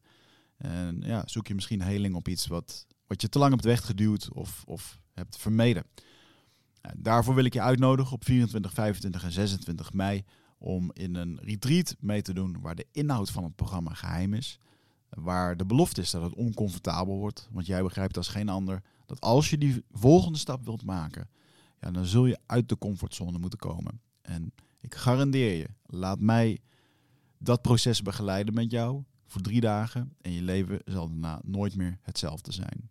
Gemiddeld beoordelen de deelnemers het met een 9,2. En daar ben ik ontzettend trots op. Er is ook een money back guarantee. Heb je de drie dagen vol, volbracht en vind je het niks, krijg je gewoon je geld terug. Dus het enige risico wat er is, is dat je gelukkiger kan worden. Ik zie je Bride of Passage. Ga naar wichertmeerman.nl en klik op Retreat.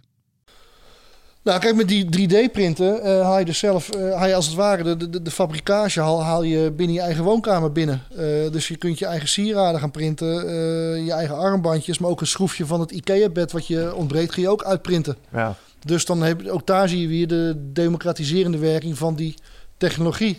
En nu is het nog heel vaak plastic, maar ze zijn dus ook bezig met, met, met, met ijzer, met hout, uh, met, met gesteentes en zelfs met biomateriaal. Ik wou het zeggen, mijn stokpaardje zijn bezig met eten printen. Ja. ja. Ik ben iemand die vroeg veel Star Trek keek. Zeg maar. Ja. Dat, dat klinkt al akelig veel als zo'n replicator waar je in de Ja. muur kan zeggen: Doe mij een Earl Grey hot. Zeg maar. Dan wordt dat ding gewoon voor je gemaakt.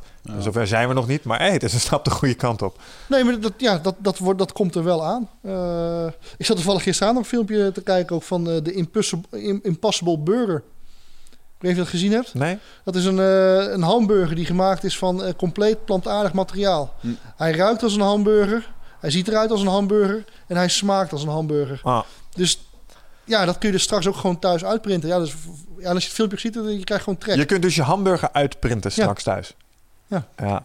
Ja, Dit klinkt wel als een oplossing voor een probleem waar we wel mee worstelen, namelijk Het klinkt vlees eten. Als je gewoon nu een printer hebt, dan moet je daar kleuren in doen om een kleurenpatroon te creëren. Dus op een gegeven moment als je gewoon, eh, dan zie ik het helemaal voor me, dat je allemaal van die eh, voorraden met voeding, met allerlei eh, vitamine C, proteïne dingen, dat op een gegeven Ja. moment gewoon zo'n printer zelf al bepaalt wat hij nodig heeft. Oh, luister, heb jij wel eens een printer moeten installeren? Of ik was een Ja, heb je wel eens met printers moeten werken? Echt? Weet je hoe hoofdpijn dat is? Nou ja, Mensen die zich zorgen maken over het feit dat deze technologieën zeg maar, mensen werkeloos gaan maken, die onderschatten de hoeveelheid supportvragen die dit met zich mee gaat brengen. Echt, iedereen kan aan de slag op een supportdesk. Ja, dat je dus een hamburger wil printen, maar dat, eh, dat, dat, dat er een andijvie uitkomt of zo. Weet je wel? dat het een eh, vegetarische burger wordt in plaats van vlees. Maar het zou, ja, hé, luister. Ik, eh, en dan krijg je plots weer een hele nieuwe markt, namelijk recepten die je kan downloaden. Voor eh ja, maar alles, blauwdrukken. alles, Gewoon een hele blauwdruk inderdaad. alle Ja. blauwdrukken kun je straks downloaden en printen. Ja. Eh, Nee, ook daar kleven trouwens weer risico's aan. Hè? Een van de eerste dingen met 3D-printers en blauwdrukken die werden uitgewisseld... was dat zo'n gas weer een pistool ervan moest maken. Ja, maar je hebt dan over medicijnen uitprinten. Straks is er een of andere gek die een, eh, een verkeerd recept voorschrijft waar je aan dood gaat. Ja.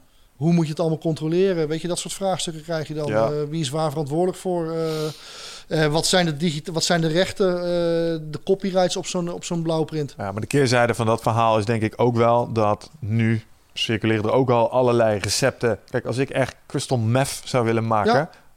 dat is één Google-actie verwijderd. Ja. En dan kan ik in principe in mijn kelder aan de slag. Of het goed gaat komen is een tweede. Maar dat doet, dat doet ook niet iedereen, snap je? Dus ik denk dat, dat die risico's die daar aankleven, ja, ze zijn er wel. En sommige Ja, mensen zijn er, zullen, zullen er misschien ook wel aan doodgaan. Maar misschien is dat misschien ook wel omdat ze een Darwin Award verdiend hadden.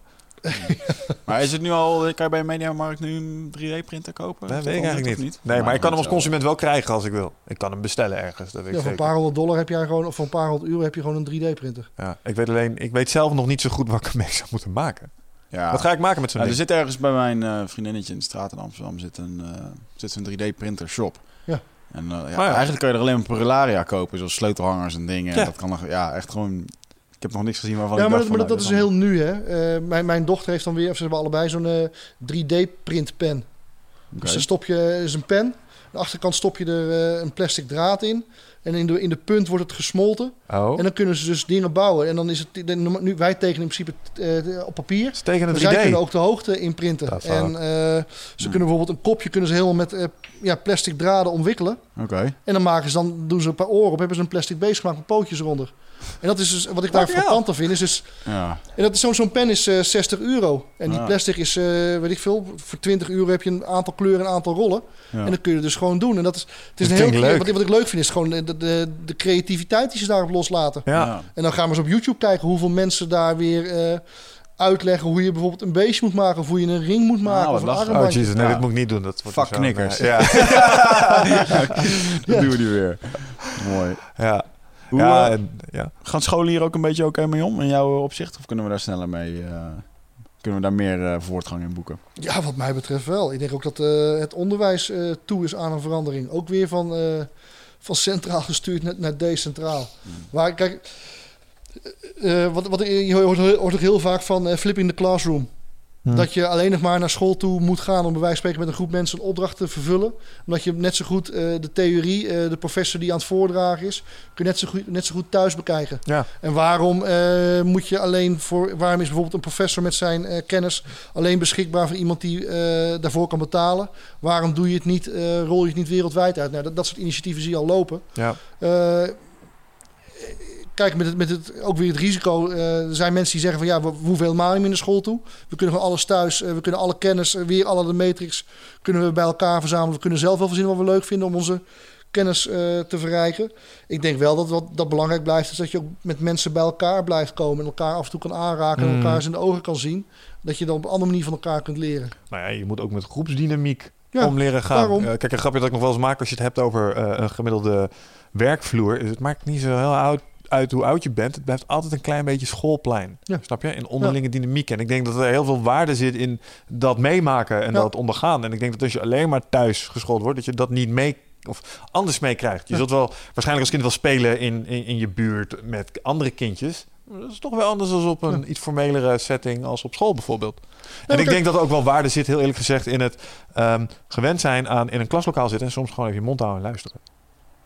Ja, maar je? ja, je, ziet, je ziet wel, ja, eens. Ik, wat, ik, wat ik interessant vind, bijvoorbeeld ook laatst zo'n eh, zo'n plastic zwembad gekocht eh, voor de kinderen. Dat met, met ijzeren stangen, dan moet je een opzetten. Ja. Normaal gesproken krijg je zo'n enorme handleiding erbij. En tegenwoordig krijg je gewoon eh, de URL naar een YouTube filmpje. Ja. Succes duurt vijf minuten. En dan kijk je het filmpje en dan, weet je, en dan kun je heel snel vooruitspoelen. En, en dan weet je hoe je het moet doen.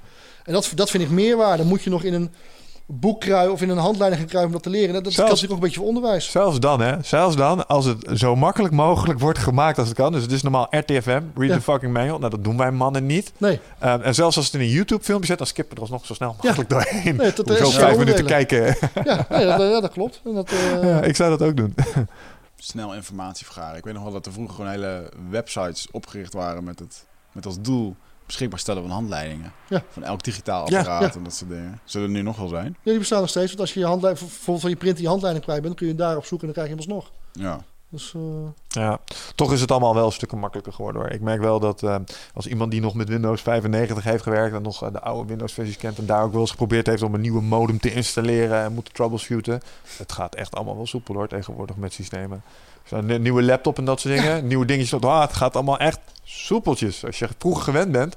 Drivers voor een of ander obscure Ja, joystickje bij elkaar zoeken. Dat was, man. was, was, was toch rampzalig. En vroeger was je ook af en toe gewoon bang om... eh, moest je af en toe nog code intikken om iets te activeren. Dan was je bang dat je een blue screen of death krijgt. Ja, Terwijl nu is het gewoon... Ja, wat heb je? Een iPad met één knop erop. Wat, wat kun je fout doen? ja, weinig. Ja. Ja. Ja, het bepalt me wel op trouwens dat eh, sowieso merk je dat heel erg. Mensen die gewend zijn om met eh, PC's te werken, die hebben dat sowieso wat meer. Die zijn wat meer genegen om de krochten van hun machines nog in te kruipen. Terwijl Ja. eh Mac-gebruikers op die gebruiken echt de applicaties meer. Weet je wel, het OS, ja, het is wel leuk, maar het is echt puur ondersteunend Ja. voor, voor de workflow. Dus daar is echt wel heel veel gemak in, in ontstaan. Ehm, ja, we hebben al een boel dingen besproken, man. Het zijn wel echt allemaal fascinerende dingen. Ehm, zijn er nog eh, zaken waar je momenteel eh, naast eh, die DAO's waar we het over hadden, Ja. ehm, die ehm, je aandacht hebben? Volgens mij vertelde je dat je voor, de podcast dat je vandaag heb je een Ja. rapport uitgebracht over chatbot. Ja. Klopt dat? Klopt. Kun je daar nog eens iets meer over vertellen? Nou, kijk wat je. ik denk dat messaging, dus Facebook Messenger of WhatsApp, het is eigenlijk een soort van een nieuwe sociale media geworden. Ja. Ook eh, WhatsApp wordt in Nederland volgens mij eh, het meest, het meest gebruikte medium om met elkaar informatie uit te wisselen. Ja. En als je nu kijkt naar WhatsApp en Facebook Messenger, al die tools, het zijn allemaal eh, contactenlijsten die bestaan uit mensen Mhm. van vlees en bloed. En als je kijkt naar Facebook, Microsoft, Google, Apple, Amazon, ze zijn allemaal bezig om een soort van digitale hulpjes in die contactenlijst te plaatsen. Ja. Dus dat je in een nabije toekomst niet alleen maar met mensen aan het communiceren bent, maar ook met eh, botjes eh, die werk voor je kunnen doen. Bijvoorbeeld eh, als je ergens wil eten, eh, er is bijvoorbeeld zo'n digitaal assistent Luca, die daar praat je, daar chat je tegenaan in je, in je messenger. En die komt met een aantal voorstellen op basis van jouw locatie waar je het beste kunt eten. Ja. krijgt een aantal foto's, je klikt erop en hij reserveert voor jou het restaurant. Ja, maar dat is interessant hoor. Want als je op die manier met een chatbot in interactie gaat, kun je bijvoorbeeld ook een stuk virtual assistance. Zou je best wel belangrijk Ja. deel, zou je dat zo kunnen gaan automatiseren. Ja. Is het alleen niet. ehm, komen die dingen een beetje de Turing-test door? Nou ja, absoluut. Ze hebben nu ook een, eh, de nieuwe Muppet Show in Amerika. Die, die draait weer een paar maanden. Die hebben speciaal daarvoor hebben ze een eh, digitale avatar van Miss Piggy gecreëerd. Die kun je in je Facebook Messenger hangen. Ja. Dan kun je tegenaan communiceren. Er zijn mensen die ongeveer een half uur per dag tegen dat varkentje aan het kletsen zijn. En het grappige ook is, als je bijvoorbeeld eh, aan haar vraagt van hoe is het met Kermit, dan wordt ze echt pissig op je. Omdat ze een paar maanden geleden de relatie met Kermit verloren of eh, verbroken heeft. Dus het is een, echt een heel authentiek Ja. eh, karakter geworden. Er is ook een eh, Israëlisch bedrijf die is bezig om op werkelijk waar ieder object of ieder voorwerp of ieder diertje eh, te koppelen aan digitale avatar. Bijvoorbeeld een M&M snoepje. Voordat je hem opvreet, kun je eerst nog even met een snoepje communiceren van ik vind jou wel een lekkertje ja of nee. Ja, digitale striphelden, digitale filmsterren. Ja, ja, dus we kunnen zeg maar allerlei fictieve zaken kunnen we een persoonlijkheid gaan Je geven. kunt gewoon van alles een Tamagotchi maken. Eigenlijk wel. Ja, nou, maar dat is.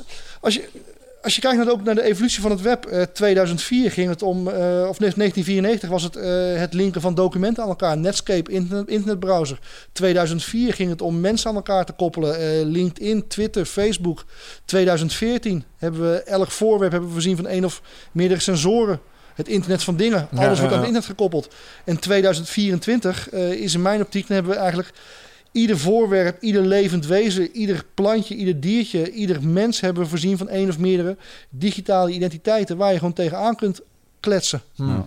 Het zij via chatten of het zij via gewoon Ja. normaal stemgeluid. Of bijvoorbeeld tegen je huis. Ik kan me, ik kan me nu iets Ja. voorstellen waarbij ik huis eh, een, een, een, een soort eh, home domoti- domotic system zeg maar. Ja, ja, stel ik ja, dan neer, maar daar, koppel ik een WhatsApp bordje aan.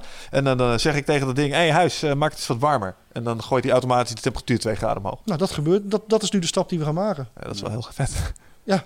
Dus dan lig ik in mijn bed en zeg ik koffie. En dan gaat mijn koffieautomaat in de keuken. Nou, bij wijze van spreken. Door die eh, blonde dame met eh, grote borsten die eh, alles Ja. doet in jouw huis. Dan op dat moment eh, de stekker eh, lostrekt en begint te stofzuigen. ja, dat zou kunnen. Dat zou kunnen. Mooi. Oké. Hey, en ehm, als je nou kijkt naar... eh, ehm, dus het zeg maar, ja, hoe ga ik dat leggen? Ik had het straks eventjes over de afhankelijkheid van zo'n internet. Want we worden steeds afhankelijker. Ja. Ehm, wie, wie, wie is er nou eigenlijk verantwoordelijk voor het internet? Niemand, ja. Is daar een soort bron voor of zo? Nee. Komt het internet uit één plek?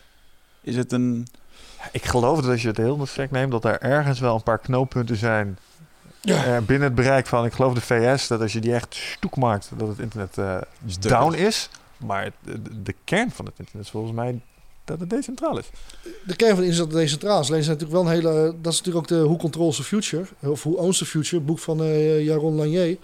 Eh, die praat ook over de gevaren van dat we in een maatschappij leven waarbij bedrijven als Google, Facebook eh, eigenlijk alles van ons weten en de macht hebben. Ja. En dat is natuurlijk heel eh, centraal ingesteld. Ook als eh, Google doorzet met hun robotdivisie, zijn ze straks de eerste bedrijven die, eh, waarvan we robots gaan kopen. Dus krijgen ze nog meer geld, nog meer macht, nog meer controle. Ja. En daar worden steeds vaker vraagtekens bij gezet. En ook daar zie je vanuit de decentrale hoek initiatieven om bij wijze van spreken niet meer jouw data daarachter te laten. Omdat je een soort van digitale kluis krijgt. Waarbij je zelf je data instopt. En dat je vervolgens zelf kunt bepalen wie toegang heeft tot jouw data. Ja, kun je dit eens een keer concreet maken? Want eh, ik eh, hoor mensen die van, "Pa, je moet opletten dat iedereen je gegevens heeft. En eh, als het allemaal met elkaar... Hoe is dit voor mij op korte termijn een bedreiging? Waar, waar gaat dit potentieel een keer mis? Waar kun je denken van, ai, hadden we dit maar anders geregeld? Wat is er dan gebeurd? Nou ja, ik, je, moet, je moet je gewoon afvragen of je. eh, kijk, waar het fout gaat is met, met praktijken als, eh, als NSA. Die alles van je weten. En jij wil op een gegeven moment eh, wil jij de grens over. En de- er gaat een of andere alarmbel af. omdat een systeem ergens een bepaalde aanname voor jou heeft, dat ze ergens naar, jou, naar jouw data gekeken hebben en jou potentieel bestempelen als een verkeerd persoon. Meneer, u heeft gegoogeld op Anarchist Cookbook. Nou ja, dan ben je, dan ben je op dat moment ben je de lul. En dat, Ja. dat wil je dus denk ik niet. En, maar dat is ook een heel. Het is natuurlijk een heel eh, wankel evenwicht. Aan de ene kant eh, willen we natuurlijk dat de terroristen eruit gefilterd worden. Aan de andere kant wil je ook niet zelf als terrorist eh, beschouwd worden. Nee. Dus ja, waar ligt dan de scheidslijn? Wat is goed en wat is fout? Het is heel moeilijk om over te oordelen. Ik ben ook heel erg blij dat ik niet daar verantwoordelijk voor ben. Hmm. Maar daar gaat, met dat soort scenario's gaat het dus fout. Mhm. Eh, of het, eh, het hijacken van iemands identiteit. Ja, dat, jij straks thuis komt en blijkt dat iemand jouw Facebook-account gekraakt heeft. En eh wij spreken met jouw gegevens een bankrekening geopend heeft en gelijk, gelijk geplunderd Ja. heeft. Dit heb ik een keer meegemaakt met iemand die ook in de studio heeft gezeten, Noël Brandt. Die kreeg mijn telefoon te pakken zonder, en die kon met mijn code naar binnen en die ging mijn Facebook op. En toen zei hij, heeft hij een paar hele Eh, zeg maar, Ja. homoerotische dingen op Facebook gezet. Wordt bedankt Noël. dus ja, maar dat soort situaties kan me dus wel iets bij voorstellen. Ja. Ja, en eh, toevallig volgens mij van de week de Nederlandse overheid die ook waarschuwt dat eh, cybercrime wordt gewoon nog vele malen groter dan eigenlijk de, de fysieke eh Ja. Crime-wereld waarin we leven. Zo, eh, daarover, om er een nieuwe angst bij te hebben. We hebben tegenwoordig allemaal toch van die bankpasjes waar je, die kun je dan Ja. tegen je pas aan, tegen zo'n automaat aanhouden, zeg maar. Je kunt nu alweer hoesjes kopen waar je dat ding in kan douwen. Omdat er tegenwoordig ook mensen zijn die lopen dan door de stad rond. Ja, die kunnen Ja. gewoon langs en die gaan gewoon even langs je tas en da- da- daar skimmen ze dan gewoon... Oh, Ja. oké, nieuw probleem dus, blijkbaar. Dat is wel makkelijk. Gewoon langs iemand staan en... eh, Dat dacht ik dus ook. Ja, ja, dat is wel goed. Nou, laatst- maximaal, maximaal 25 euro kun je eraf Ja, maar Maar dan nog. gaat lopen met... eh, Ja. Dan gaat het hard. Ga maar vijf baantjes heen en weer op een zaterdag door Deventer Centrum heen. Ja, dag ja, nee, dat gaat, ja. gaat hard, ja. Dat gaat Of hard. op eh, zo'n mooie zo'n houseparty. Ja, of hoezo lopen? Je zet gewoon twee van die punten aan het begin en aan het eind van zo'n straat neer van die poortjes waar mensen doorheen moeten. Dan ben je Ja. gewoon klaar. Die zo- dat je zelf zo'n net kan creëren dat gewoon alles wat in een kilometer zo'n ding heeft. Ja, maar je zegt het nu, hè? Maar omgekeerd is het wel een keer gebeurd dat ik door een winkelstraat liep en dat ik plots via Bluetooth een reclamebericht Ja. gezonden kreeg uit een van die winkels. Ja. Dus die afstand, Ah ja, dat kan wel zeker. ja. dus het is niet onmogelijk. Zag laatst die, ehm, hoe heet dat nou toch? John McAfee of zo, die eh, virus. eh, Ja. scanner Ja, van Dat is helemaal van Dat de is wel pad echt, af, man. echt een Dat is maloot. helemaal geschift. Die heeft volgens- heeft hij, hij heeft iemand, hij is toen beschuldigd dat hij iemand dood heeft Ja, geschoten. ik weet niet, maar volgens mij zat hij aan, aan die bath salts. Staat me iets Ja. in ieder geval, hij heeft heel veel geld verdiend met het vir- met antivirus-scanner, de McAfee, zo, Ja. wat iedereen natuurlijk had. Ja. Toen is hij, heeft hij dat bedrijf volgens mij eh, verkocht en eh, uiteindelijk heeft hij drie dagen eh, ondergedoken gezeten, gezeten voor de politie op een of ander tropisch eiland, omdat er iemand doodgevonden zou zijn in zijn huis of bij zijn buren. Me ook niks ik van mij. uiteindelijk ja. is hij gevlucht en weet ik het allemaal. En ik weet nog dat hij wel contact ging zoeken met de media en niet met de politie. En dat, ja, het leek er inderdaad alsof hij onder, invloed was door iets. Maar hij had wel een mooi, eh, eh, mooi interview waarin hij beschreef dat de FBI ehm, niet de allerbeste hackers eh, wilde inhuren. Omdat de allerbeste hackers, ja, dat konden ook wel eens mensen zijn die gewoon punkharen hadden, helemaal onder de, piercing zaten, gewoon continu wilden blowen tijdens het werk en die gewoon een half miljoen euro vroegen.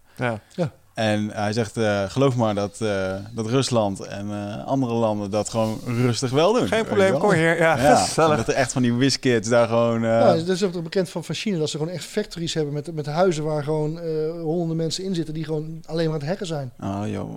Wow, wie, wie doet de Chinese overheid? Die, Ja, dat is de Chinese, oh, dat is volgens mij een bekend artikel uit, uit Wired Magazine, waarbij eh, ja, een, een- gewoon een soort van flatgebouw waar alleen maar Chinezen zitten om eh, de westerse wereld aan te vallen. Dat gaat nergens over. hè? Ja, wormen plaatsen, En als dan weer systemen naar, infecteren. naar Ja. Korea, waar ik een keer een, een documentaire van Vice heb gezien, waarbij ze eh, een rondleiding kregen door een of andere een universiteit.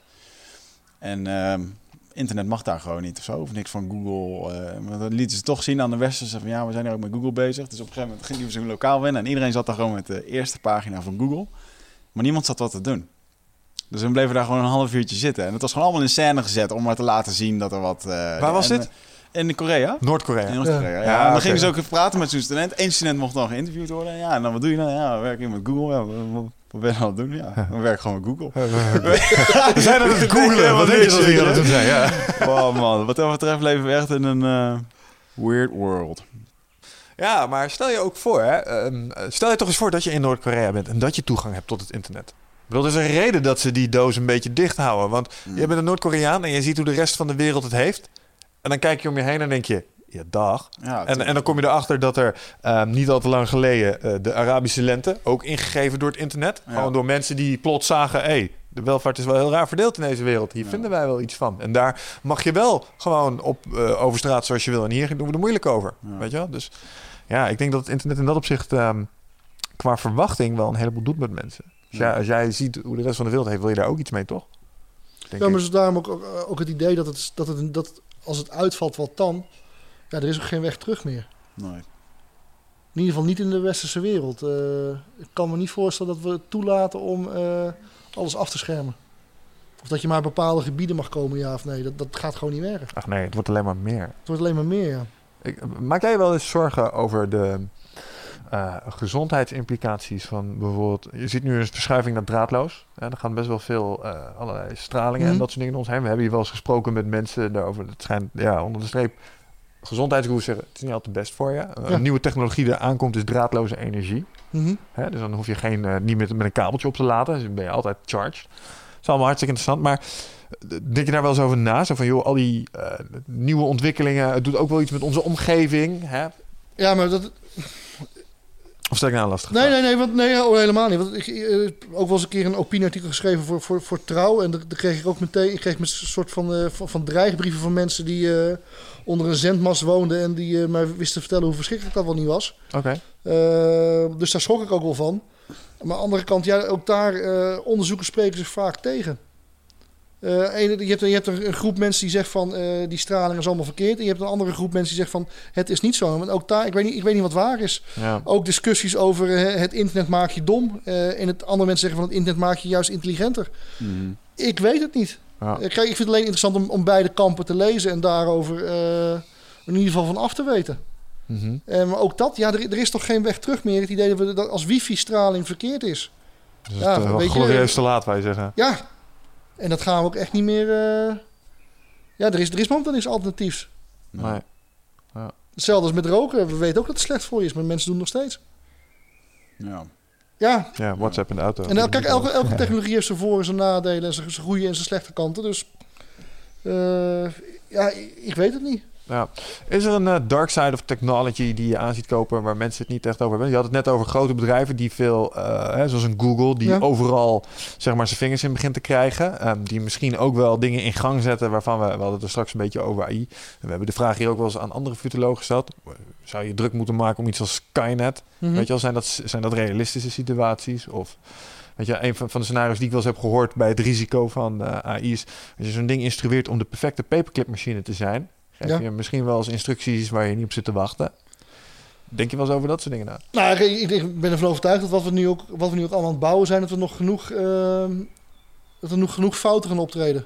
En onvo- onvoorziene situaties, waarbij misschien ook wel, eh, wel mensen doodgaan. Ik vind een scenario van Skynet met Terminator achter of Matrix achter, dat vind ik wel heel dystopisch. Eh, Kijk, Mhm.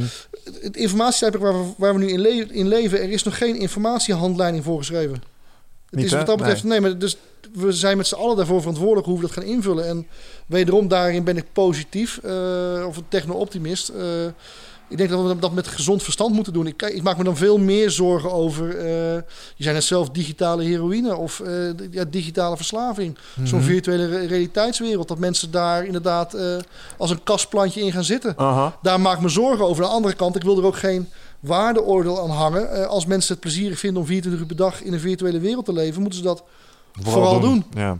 Ja, eh, hetzelfde als mensen zeggen van het internet maakt je dom. Ja, weet je, vroeger onthield ik 30 telefoonnummers, nu nog eentje van mijn, van mijn vrouw. En voor de rest Ja. weet dat ding alles van me. Is dat dan, maakt het mij dan dommer of intelligenter? Ik vind het met name makkelijker. Ja, of ontlast het je gewoon Ja, het om andere dingen beter te doen. Ja, ja, dat Ja, denk ik ook. Ja. Zo kijk ik er dan tegenaan. Het verplaatst gewoon eigenlijk. Ja. Maar, Ja, of, of los en dingen voor je op. En dat vind ik, ik vind het wel zo makkelijk. Vraag Ik me soms vraag ik me dat wel af hoor. Want als ik bijvoorbeeld kijk naar mijn, eh, eh, mijn hoofdrekenskills. Eh, de- Ja. Zonder Excel kom ik niet heel ver met tegenwoordig hoor. Ik vind het wel Nee. moeilijk. Sommige berekeningen uit mijn hoofd. Dat loop ik echt wel eens tegenaan. Denk je, oké, ben ik nou dommer geworden? Want ik, ik ken de formules. Ik kan ze alleen niet meer uitvoeren. Dus ik Ja. weet donders goed hoe ik een eh, Ja. prijsverschil moet uitrekenen. Of een procent, eh, procentuele Mhm. verdeling of wat dan ook. Dat lukt me wel, weet je wel. Dus die formules die ratel ik moeiteloos op. Alleen als ik nou met de eh, daadwerkelijke variabelen moet gaan stoeien en rekenen. hm, geen idee. Vind ik lastig. Dus Ja, klopt. Maar er is ook zo'n... eh, eh, hoe heet het? Technologie neemt iets af en het voegt ook iets toe. En eh, Ja, je, moet, je moet je afvragen, dat, dat wat we verliezen, worden we daar slechter van? Eh, ja, het feit dat ik misschien minder goed kan hoofdrekenen, eh, ja, nu doet de computer dat voor mij. Word ik daar dommer of slechter van? Ik, ik weet het niet. Ik vind het met name makkelijk. Ja. Ja, en ik, denk, ik denk dat de meeste mensen zo in elkaar zitten. Dat we voor een groot deel gemaksdieren zijn. Hetzelfde over, over schrijven en lezen. Handschrift. Misschien ook wel een eh, voorbijgaande kunst. Moeten kinderen nog leren schrijven? Of Ja. is het straks allemaal eh, stemgestuurd en eh, heb je het dan nog nodig? Wat vind je ervan? Ja, ja. Op een gegeven moment vraag ik, als ik, als ik tegenwoordig met de hand aan het schrijven ben, ik krijg kramp in mijn vingers, het begint me pijn te doen. Want ik, ik ben gewend al om te tikken of er tegenaan te praten. Dat wordt natuurlijk straks nog vele malen eh, meer zo. En ja, ik weet niet of dat dan slecht is. Ik, ik weet het echt niet. En Wij, zijn, wij zitten in een soort transitie. Ik ben ook een ICT van achtergrond. Ik, ik werk heel graag digitaal, dus eh, echt eh, alles tikken en dat soort dingen. Maar ik merk wel dat ik de laatste tijd terug aan het gaan ben naar papier. Omdat ik merk dat, eh, met name als ik data wil onthouden... of ik heb een gesprek waar echt interessante dingen zitten... dat als ik schrijf, ehm, op een of andere manier blijft het beter plakken. En dat zit hem in, denk ik, de handeling en het feit dat het allemaal iets meer tijd kost. Dus je hebt iets langer om na te denken over wat je daadwerkelijk aan het opschrijven bent. Maar ik merk dat, ehm, als je het mij zou vragen, moeten we mensen eh, stoppen met mensen te leren te schrijven? Ik zeg, nou, dat lijkt me niet heel verstandig. Want er zit echt een, Nou, voordeel in schrijven. schrijven wegen er niet zozeer. eh, maar ik merk wel met le- tenminste, dat is ook mijn eigen mening. Hè, dat, eh, ik kan het niet staven, maar ik denk dat je door, door te lezen, eh, dat je meer aan het reflecteren bent van wat je, wat je leest. Terwijl in virtuele werelden, films, eh, je stapt gewoon een andere wereld binnen. eh, Je kijkt naar een scherm en dingen gebeuren er. Ja. En dan denk je toch minder na dan dat wanneer je aan het lezen Het bent. is meer En- consumerend eigenlijk. creativiteit Ja. wordt Ja. er nu inderdaad gedood. eh, Wordt gedood. Ja, maar dat- ik, ik, kan het ook, ik kan het ook niet staven met wetenschappelijk onderzoek. Maar ik, ik, ik, zie, ik proef het ook een beetje aan mijn kinderen. Ik heb af en toe het idee van... potver, had je maar, had je maar meer gelezen... eh, dan denk ik dat je toch beter op school was geweest. Nou, is dat ook niet een beetje Hm. dat men vaak vindt dat als een film verfilmd wordt, dat ze het boek toch beter vonden? Want ja, dan heb je gewoon je eigen idee erbij, je eigen Ja. fantasie, je eigen dingen. Nou, met een boek creëer je toch heel veel... Ja, gewoon met een, een leesboek of, of fictie... creëer je toch je, je eigen, Eigen je eigen wereld. En, en- dan zie je zo'n film en dan ziet zo'n zo'n iemand er al heel anders uit. Ja. Nou, laten we een voorbeeld nemen. Lord of the Rings. Ja. Weet je? Fantastische film. Geweldig om te zien. Je krijgt absoluut een indruk van de verhaallijn. Zou ik je desondanks aanraden om de boeken te lezen? Zeker. Ja. Zeker. Er zitten een heleboel dingen in die, die in de film niet aan bod komen. Ja. Of je komt erachter dat ze een paar creatieve vrijheden hebben genomen. Kun je van vinden wat je wil. Ik snap dat omwille van Hollywood en een groot publiek Mm. dat je daar keuzes in maakt. Maar heb je daarmee de volledige Tolkien-ervaring gehad? Nee. Dus het boek lezen Nee. is nog steeds super waardevol. Ja. Ja. Dus ja. Maar plus nog het prikkelen van je brein, door gewoon Ja. na te denken. En Ja, ook met, met name het laatste. Ja, hand, hand, en, hand- en oogcoördinatie, met gewoon inderdaad door te schrijven en te doen. Ja, weet je, moet je dan Mm. straks nog, moeten kinderen nog leren om te sporten? Als we straks gewoon gezond kunnen blijven door, eh, weet ik veel, allerlei eh, eh, technische trucjes waarbij je spieren in vorm blijven, waarbij je genoeg voeding van een slangetje naar binnen krijgt. Mhm. Ik denk dat het wel goed blijft om het nog een beetje ouderwets te blijven bewegen. Ja, maar je zegt het zelf al, dat is misschien wel ouderwets. Ja. Ja. Ja, eh, wat dat betreft is het gewoon heel moeilijk, moeilijk om daar normen en waarden of, eh, aan te koppelen. Eh, toevallig, ik was net ook bezig in een boek eh, van Richard Hansen. Die heeft het over eh, eh, het uploaden van je brein, digitale breinen. En hij heeft, daar, hij heeft een economisch boek erover geschreven hoe eh, we over 50 of 100 jaar bijvoorbeeld allemaal digitaal, in een digitaal brein kunnen leven. ja. En wat hij zegt van, als ik dit, terwijl ik dit nu opschrijf, zul je denken van dit is gewoon compleet ridicuul. Kun je niks meer voorstellen. Maar hij zegt van stap nou eens terug de tijd in, 100 jaar geleden. Als mensen van 100 jaar geleden nu in deze wereld zouden stappen, zouden ze het ook compleet Ja. ridicuul vinden. Dus je, je kunt daar niks Nee. over zeggen. En dat maakt het ook zo lastig. Dat, Wat geloof zei dat, eh, dat brein, dat geloof ik wel. Want als je kijkt naar de werking van een brein, is dat eh, als ik nu op eh, de enterknop van mijn toetsenbord druk, dan geeft dat een unieke eh, breingolf die altijd hetzelfde is. Oké? En eh, dat is per persoon wel weer verschillend. Ja. Dus als je alle personen bij elkaar. Maar iedere keer als jij eh, eh, je, je, je wijsvinger opsteekt, dan is dat dezelfde. Hetzelfde gebeurt in je Mm. brein. Dus als je dat kan registreren. Dus daarom kunnen ze nu ook gewoon met door middel van die elektroden op je brein en zo. Kunnen ze op een gegeven moment koppeling maken van als jij dit wil doen, of dat je het echt doet, kunnen ze aan elkaar koppelen. Ja. Dus dan zou als het ware betekenen dat als je er gewoon aan denkt, Mhm. dat er bijvoorbeeld ergens een muisklik is. Of, Ja. Maar dat is een interface waarbij je eh, een muis aanstuurt met je hersenen. Ik geloof waar jij het over hebt, is je bewustzijn overzetten naar een digitale wereld. Ja, maar dat is dus die brainwave, die kan je op een gegeven moment herkennen. En dan zou je inderdaad in een verder stadium eh, informatie kunnen downloaden uit Ja. eh, Nou, ze zijn zelfs al bezig, als je het hebt over brainwave, zijn ze al bezig om eh, persoon A en persoon B, daar zijn ze al in geslaagd. Persoon A, A speelt een game Mhm. en persoon B aan de andere kant van, de, van, de, van Amerika eh, krijgt die instructies doorgestuurd via het internet en die maakt dezelfde bewegingen vervolgens. Ja, dus dat is gewoon telepathie. Dat is een soort van telepathie. Ja, dat, dat, Via het internet. Dat Ja. is echt heel heftig. Ja, dat klopt.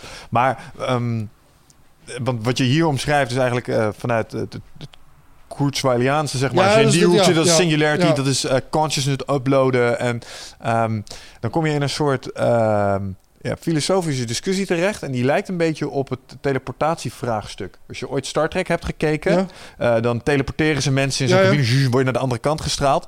En als je in ons universum onze spelregeltjes erop nahoudt, elke keer als je een ding stapt, word je kapot gemaakt, eigenlijk dood en word je aan de andere kant opnieuw opgebouwd. Dus je gaat elke keer dood en je komt opnieuw tot leven. Dus je stopt met te bestaan. Eh, en ik geloof dat het een beetje hetzelfde probleem was met het uploaden van je bewustzijn, zeg maar. Je maakt een kopie van jezelf en die zet je digitaal en die kopie gaat door. Maar jij als Wigert Meerman, het origineel, gaat helaas verloren. Mm. Ja. En de- dat is de discussie dan, ben je dan wel echt onsterfelijk? Ja. Of heb je de informatie gegarandeerd? Snap je? Weet je dat weet, als je allebei nog even bestaat, heb je twee Wigerts. Ja. Of is Wigert 2 iets anders dan Wigert 1? Dat is een hele essentiële discussie natuurlijk. Ja. Maar dat zijn wel dingen waar mensen over nadenken op het moment dat ze het hebben over je bewustzijn uploaden naar een computer. Als het al kan. Want ik geloof dat een belemmering die we daar nog wel hebben is dat om alle data eh, zeg maar goed op te kunnen slaan die onze hersenen bevatten, zoals de positie van je neuronen en dat Mhm. soort dingen. Dat is zo ongelooflijk veel informatie dat we daar zelfs nu, heden ten dagen, nog een gebouw aan opslagcapaciteit aan hebben om dat gewoon goed op te kunnen slaan. Dat, zal- Ja, maar ja, het Ja. eh, dat is een kwestie van tijd Ja. natuurlijk, dat snap ik ook. Geloof je in dat opzicht eh, trouwens, als je het hebt over exponentiële groei, geloof je in de singularity? Wat is de singularity? Dat is dat fenomeen waarbij op een gegeven moment technologie elkaar zo gaat versterken en opvolgen dat eh, in een tijd van mum de hele wereld echt, echt omslaat. Stel, er komt een AI online en dat ding kan zichzelf verbeteren. Mm. En die kan in een maand de verbetering realiseren die wij in 500 jaar zouden kunnen doen. Kan dat ding plots met allerlei oplossingen te popcorn. Oh, jullie hadden kanker hè? Ja, ja, schijn heb ik opgelost voor je. Hier heb je het met middel. Snap je? Mm. Dat is wat de singularity is. Dus al die technologieën samenkomen en de hele wereld op de kop gaat. Oké. En er zijn een aantal, eh, bijvoorbeeld Raymond Kurzweil, directeur Ja. bij Google, die zeggen, nou dat gebeurt nog in mijn levensspannen. En die man is 60. Ja. Hij gaat ervan uit dat hij onsterfelijk wordt. Dat is zijn ding. Ja, Google, Google heeft gezegd, oké, jij wil onsterfelijk worden, dat is goed. Wat heb je ervoor nodig? Hij zegt AI. Toen hebben ze gezegd, je hebt de snelste computer ter wereld. Succes ermet. Ga jij maar AI maken, jongen. En toen Hmm. kort daarop maakten ze een bedrijfje en dat heette Calico, geloof ik. En Ja. die hebben als mission statement het uitbannen van de dood. Dus dat is wel interessant. Dus ehm, ja, hey, als je het nou hebt over een bedrijf dat de resources heeft om daar iets in te doen, dan is het Ja. Google wel. Maar dat, dat fenomeen op zich, zeg maar, is dat een concept waar je in gelooft? Denk je van ja, het is een science fiction. Je, het is een mogelijk toekomstscenario. Maar Dus- actief rekening mee even denk je, nou, dat zal niet zo vaart lopen.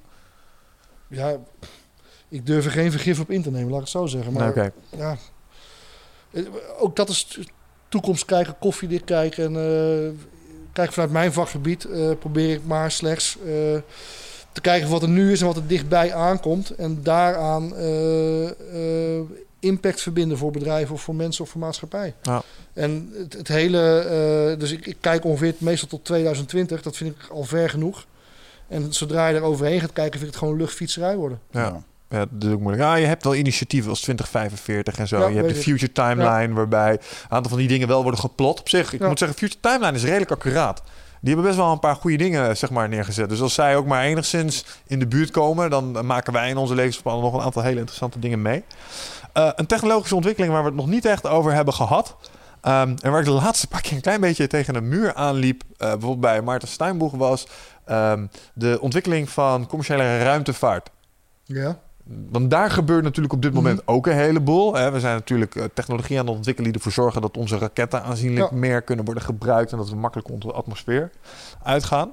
Ehm, maar dan gaan we vaak al deze atmosfeer uit en dan wordt het alweer bijna buitenaards. Maar je denkt Ja. wel na over de toekomst van de mensheid. Iets als bijvoorbeeld Mars koloniseren. Is dat Ja, iets dat waar- maar- wat jij in je, in je horizon, op je horizon hebt? Zo van, ja, ik ga in ieder geval niet in een vliegtuig of je dat in Ja, raket agenda. zit. Ik ga het zelf niet doen, maar Nee. ik denk wel dat het binnen handbereik komt. Ja. Als je kijkt welke meters eh onder ja, met name Elon Musk daar maakt. eh, heeft hij, volgens mij is hij de laatste die geloof, geloof Hij is een twee- beetje aan het pochen. Hij in dat gaan we gewoon doen, 2018 of zo, hij. of 2021 wil hij er volgens mij de eerste mensen op Mars neerzetten. Ja. En ja, hij heeft het geld en hij is er gek genoeg voor, dus eh, waarom niet? Denk je dat het iets is wat we zouden moeten nastreven als mensen? Als jij kijkt naar ons toekomstbeeld als een mensheid, is dit een goede ontwikkeling? Nou ja, ook dat is wel wat je eh, vanuit, ook weer vanuit Singularity University heel erg wordt, eh, wordt gestimuleerd. Die zeggen op een gegeven moment ook van als je kijkt naar de resources die we hebben op aarde, eh, de groei die we meemaken met mensen, is dit gewoon een eindig scenario. Mhm. En vanuit die optiek kan ik me heel goed voorstellen dat inderdaad ruimtevaart een oplossing is voor dat probleem. Ja, gewoon En ook expanderen. dan, maar kijk alleen, ja, volgens mij moet je nou nog ongeveer een jaar lang vliegen, wil je op Mars zijn en je kunt nooit meer terugkomen. Eh, Dat is niet Ja. echt een scenario wat ik eh, Aantrekkelijk. wil vind. omarmen, ja, aantrekkelijk vind. Eh, nee, maar, maar dat, dat- dat, had je maar destijds ook dat zal wel weer opgelost worden. Dat had, had je destijds natuurlijk ook met het nieuwe land Amerika. Ja. Hè? Oh, oh, nieuw onontgonnen land. Perfect, we gaan Ja. daar wel heen, want daar hebben we meer kansen. Dus een soort gelijke, ja, ik wil niet zeggen exodus, maar er zullen vast wel mensen zijn die eh, bereid te vinden zijn om die reis te maken. Oh nee, absoluut. En sterker nog, er zijn er al eh, genoeg mensen die zich daarvoor aangemeld hebben. En volgens mij zijn er ook al mensen die er ook daadwerkelijk voor aan het trainen zijn. Dus dat, dit Mars is, eh, Binnen is, handbereik. is, is gewoon echt binnen handbereik. Dat zal, weet je, dat, dat ga ik in mijn leven in ieder geval meemaken. Dat iemand op Mars landt. Ja. Eh, ja, dat, dat, dat is, dat is geen, geen issue. Maar ja, kijk, aan de andere kant, je hebt ook, eh, ze hebben laatst een keer uitgerekend wat je nodig hebt om de Death Star te maken vanuit, eh, vanuit Star Wars. Ja, Ja, dat, dat is gewoon fysiek niet mogelijk volgens mij. niet binnen, deze, binnen dit zonnestelsel Nee. volgens mij, omdat we resources missen. Maar als je bereid bent om een andere ster te koloniseren en daar wat prut weg te halen, ja, dan kan het wel. Ja. Ik ben geen eh, Star Trek eh, fan. De Death Star is een, Wars. is een ding Oh. ongeveer zo groot als de maan. En dan schieten ze een grote laser mee af en dan blazen ze planeten mee op. Ah, It's not oké. good. Als dat Cool. ding boven je planeet hangt, Cool. gaat het niet goed met je aflopen. Can blow up stuff. ja, en wat blijkt nou? Dat ding was zo technisch dat, het, eh, dat, ze, dat ze blijkbaar over het hoofd hadden gezien dat er één klein gat zat in de verdediging. Als je dan één raket daarin schoot, ontplofte dat hele ding. Hmm. Dus dat dan wel weer. Uber nerds. Goed, ja. Dit. Maar de Death Star namaken in, eh, in dit zonnestelsel blijkt een, eh, een probleem. Daar is niet Klein- genoeg spul klein, voor? tech- klein, klein technisch probleempje. Ja. volgens mij niet genoeg, niet, niet genoeg spul voor, nee. Dus, eh, Ah. Hmm. Ja, dat is wel interessant. Ik geloof dat eh, als je het hebt over dat soort astronomisch grote bouwwerken. Ehm, er was laatst een beetje een hype in, eh, ik geloof, in, eh, in, in de astronomische wereld, omdat er ergens een ster was gevonden. En ze kunnen tegenwoordig, als ze een ster observeren, kunnen ze zien of er planeten omheen cirkelen en dat soort dingen. En ze hadden iets gevonden eh, waarvan ze niet helemaal konden plaatsen. Want dit is geen planeet, dit is ook geen komeet. Ehm, er waren eigenlijk nog maar twee opties over die ze zagen. Eén was een, een grote zwerm aan kometen die langs zweefde. En de tweede was, en mensen en wetenschappers met name in die hoek zijn altijd heel eh, voorzichtig om die hoek op te speculeren. Maar toen hadden het over een Dyson-sfeer. Ik weet niet of Ja, je dat heb- concept kent. ooit wel over gelezen, maar dan moet je even mijn geheugen Ja, opfrissen. het is, het, het is een, eh, een theoretisch concept waarbij je zegt als een, een beschaving maar ver genoeg is, Ja, ja, ja. dan gaan ze een soort bol om hun zon bouwen, zeg maar. Die groot genoeg is om de hele baan van de aarde om de zon heen. Ehm, Halo, misschien Mhm. even speelt je Halo wel eens, dan zit je op zo'n hele grote, nou, Mhm. zoiets. Maar dan misschien helemaal dicht. Waarom? Omdat dan kun jij eh, maximaal eh, benefit hebben van alle energie van je zon. Om die optimaal zeg maar te consumeren. Want dat is wat een beschaving op een gegeven moment van... ehm, je hebt de Kardashev scale, eh, Ja. scale volgens mij. Wij zijn een type 1 beschaving. Mhm. Wij zijn net voor warp speed, bij wijze van spreken. We zijn nog niet in staat om de volledige energie van onze zon te benutten. Eh, en wat een beschaving typeert is de hoeveelheid energie die ze volgens mij kunnen genereren. Mhm. Dus zodra jij een bepaald aantal kilojoule overgaat, heleboel kilojoule, dan word je een type 2, daarna type 3, daarna type 4. En daarmee krijg je ook al de technologie die je daarvoor nodig hebt. Alright. En een Dyson-sfeer is een manier om zoveel energie, Ja. zeg maar... Dat gaan wij dus niet meemaken. Nee, dat denk ik ook niet. Ook een AI vanuit de Singularity, dat geloof ik, die zal het ook niet, niet realiseren. Kijk, ik, ik vind gewoon als je kijkt naar wat- volgens mij die raket van, eh, van, van Elon Musk, die kan landen, eh, die, die terug kan landen op een platform in zee. Eh, dat toont aan dat ontwikkelingen heel hard gaan. En dan Hmm. komt wij spreken ook zo'n zo'n Mars-verhaal komt binnen handbereik. En dan hou ik, eh, daar geloof ik op dit moment in. En dat, dat is voor mij ver genoeg. Ja, nou ja, luister, het is natuurlijk altijd vanuit het, ehm, vanuit het sci-fi plaatje, zeg maar, denken, sowieso over buitenaards leven nadenken is hartstikke leuk. Maar er zijn wel echt mensen die ehm, aan het nadenken zijn over, over, het probleem eh, van ruimte, zeg maar. Het grote probleem namelijk is bijvoorbeeld met Mars, wat mensen denk ik onvoldoende waarderen, is dat wat ze met die Mars-rover hebben gedaan, dat is echt idioot. Als je dat, ik geloof, in perspectief plaatst, dan hebben ze vanuit Amsterdam met een afstandsbestuurbaar zeg maar, vliegtuigje, hebben ze op een dubbeltje in New York in een of ander stadion geland, Ja. zeg maar, met hun Marsrovertje. En dat hebben we allemaal uitgerekend en voor elkaar gekregen. En het ging nog goed Ja, ook. dat is wel goed. Dat is insane. Dan weet je zeker dat het niet een, een of andere televisiestudio is? Dat we alles weer uh, gehoogst hebben? Ik we het gehoogst? Ja. Is dat jouw mening? Is de, Nee, maanlanding, is de maanlanding gehoogst? Ja, ik weet het. ik- Nee, dat Denk geloof, het dat echt- geloof, echt ik geloof niet. niet. Maar ik vind, vind het wel leuk. Weet je, science fiction, complottheorie. Het hangt allemaal wel heel dicht tegen elkaar op een gegeven moment. En, eh, Kan je heel veel uren mee kwijt zijn op het Maar ja, internet. ja, dat, maar dat, dat maakt het ook zo af en toe zo wazig en warm. Jij zei dat net volgens mij iets, eh, iets of was jij dat? Die zei dat ehm, op een gegeven moment technologie zo abstract wordt dat het eigenlijk gewoon bijna magie lijkt. En ik geloof dat. ehm, Dat is, dat is eh Arthur C. Clarke geweest. ja, die zegt dat elke technologie die ver genoeg, genoeg gevorderd is, Lijkt magie. magie. Ja. Dat is het. Ja. Ja, maar dit- kijk, dat, dat nu, ik zei net ook al van nu is het nog een toetsenbord waar je tegenaan tikt. Maar we gaan naartoe dat we te, er- ergens tegenaan praten. Ja. En voor, wij vinden dat normaal, maar voor iemand die 100 jaar geleden is en je praat tegen een, eh, oh, tegen een tv aan en vervolgens krijg je antwoord, dat is natuurlijk gewoon pure magie. Ja, of je denkt er tegenaan. Eh, die interface waar Wigert het over had, die hersengolven die herkend kunnen worden. Je hebt een, eh, een, een game controller, dat heet de Emotive. Ja. Die kun je gewoon bestellen. Die, dat ding moet je kalibreren. Dus dan moet je, zie je een blokje in scherm, dan moet je denken duw. Dan moet je denken aan duwen en dan gaat dat ding bewegen. En dan weet ik, oh, zo ziet dat eruit in zijn hoofd. Precies, Ja. die hersengolven waar je het over had. En dan vervolgens, als je ding hebt gecalibreerd, kun je spelletjes spelen. Ja. Eh, en dan komen de balletjes op je af. En dan moet jij denken aan iets optillen of iets wegduwen. En dan gebeurt dat ook daadwerkelijk. Nou, stel je voor dat je zo je muis kunt besturen. Zodat je niet meer met je handinterface, met je gewoon kan denken, daar klik, klik, klik, klik. En dat je ook op die manier gewoon commando kan geven. Dus eigenlijk hoef je niet eens meer te zeggen lamp aan of... Maar je denkt gewoon licht en het wordt licht. En dat lijkt bijna op de overenij. Ja. Maar dat is het niet helemaal. En, en het enige wat je misschien nodig hebt is een, wat nu mensen die een gehoorapparaatje al hebben achter het oor hebben. Hoef je alleen maar achter je oor te hebben en dan heb je die, die Nou, een sticker of een pleister in je nek. Ja. Ja. Ja. Het is ridiculous. Wel kicken. Ik eh, kijk gewoon lekker uit naar de komende tien jaar. Dat ik Mm. allemaal lekker zelf ga doen. En, Ja. eh, Nog een, eh, nog een laatste vraag, want eh, we naderen de twee uur alweer. Ehm, zijn er nog specifieke technologische ontwikkelingen waar je nu echt heel erg naar uitkijkt? Waarvan je denkt van, oh, ik kan echt niet wachten totdat we hierover beschikken. Mag een van de dingen zijn waar we het al over gehad hebben. Nou, ik vind een, een van de dingen die ik altijd wel grappig vind. Er is, nu zo'n eh, set robotarmen zijn er ontwikkeld. En die kun je soort van aan je keukenkastjes klikken. En die kan dan eh, heen en weer zeilen onder je keukenkastjes over je aanrecht eh, en over je gasfornuis. En die kent 2000 recepten. En die komt vanaf eh 2017 komt die, op, komt die op de markt. En die kan dus ook die kan het beter eten maken dan je partner. Dat is eigenlijk gewoon een, een, een, een robotarm chef. Die maak je vast en die gaat je eten maken. Ja, en dat is wel iets waar ik... eh, dat lijkt me echt het, het gemak dient de mens. Eh, die kan en voor je afwassen en koken. Als je gewoon een eh, vijf sterren Michelin kok thuis hebt. Nou. In de vorm van een arm. En dat ding kun je Ja. updaten. eh, ja. dat, dat lijkt me fantastisch. Ik kan niet wachten tot daar de eer- eerste virus op binnenkomen. Dat de eerste mensen gesliced en duizend worden. Omdat ze een kopje koffie gingen halen terwijl het ding bezig was en net eh, uitjes aan het hakken. ik zag laatst, ik weet niet waar ik het vandaan had, maar ik zag laatst een Zweeds YouTube kanaal van een meneer die robots maakt.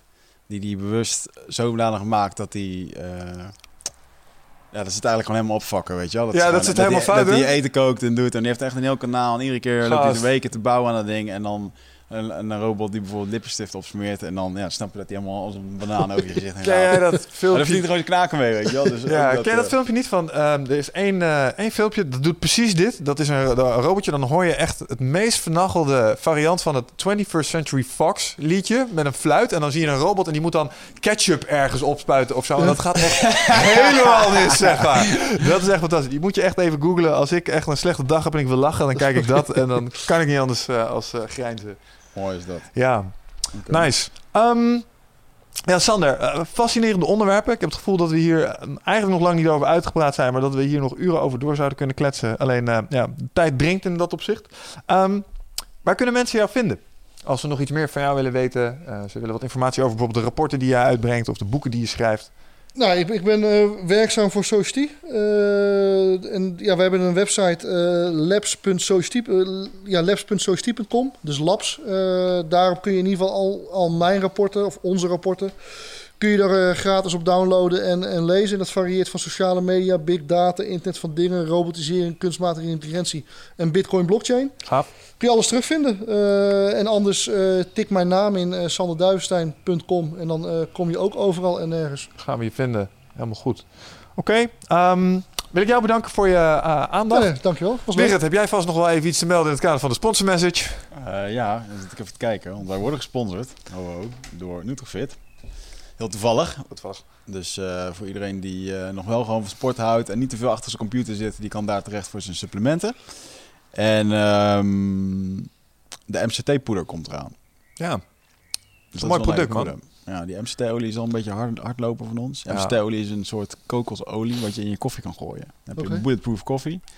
Eh, tenminste, dat is een concept dat iemand eh, heeft bedacht, eh, waarbij je onwijs veel energie krijgt. En waarbij je, het zijn eigenlijk vetten die niet worden opgeslagen als vet in je lichaam, maar gewoon puur gelijk energie. Hm.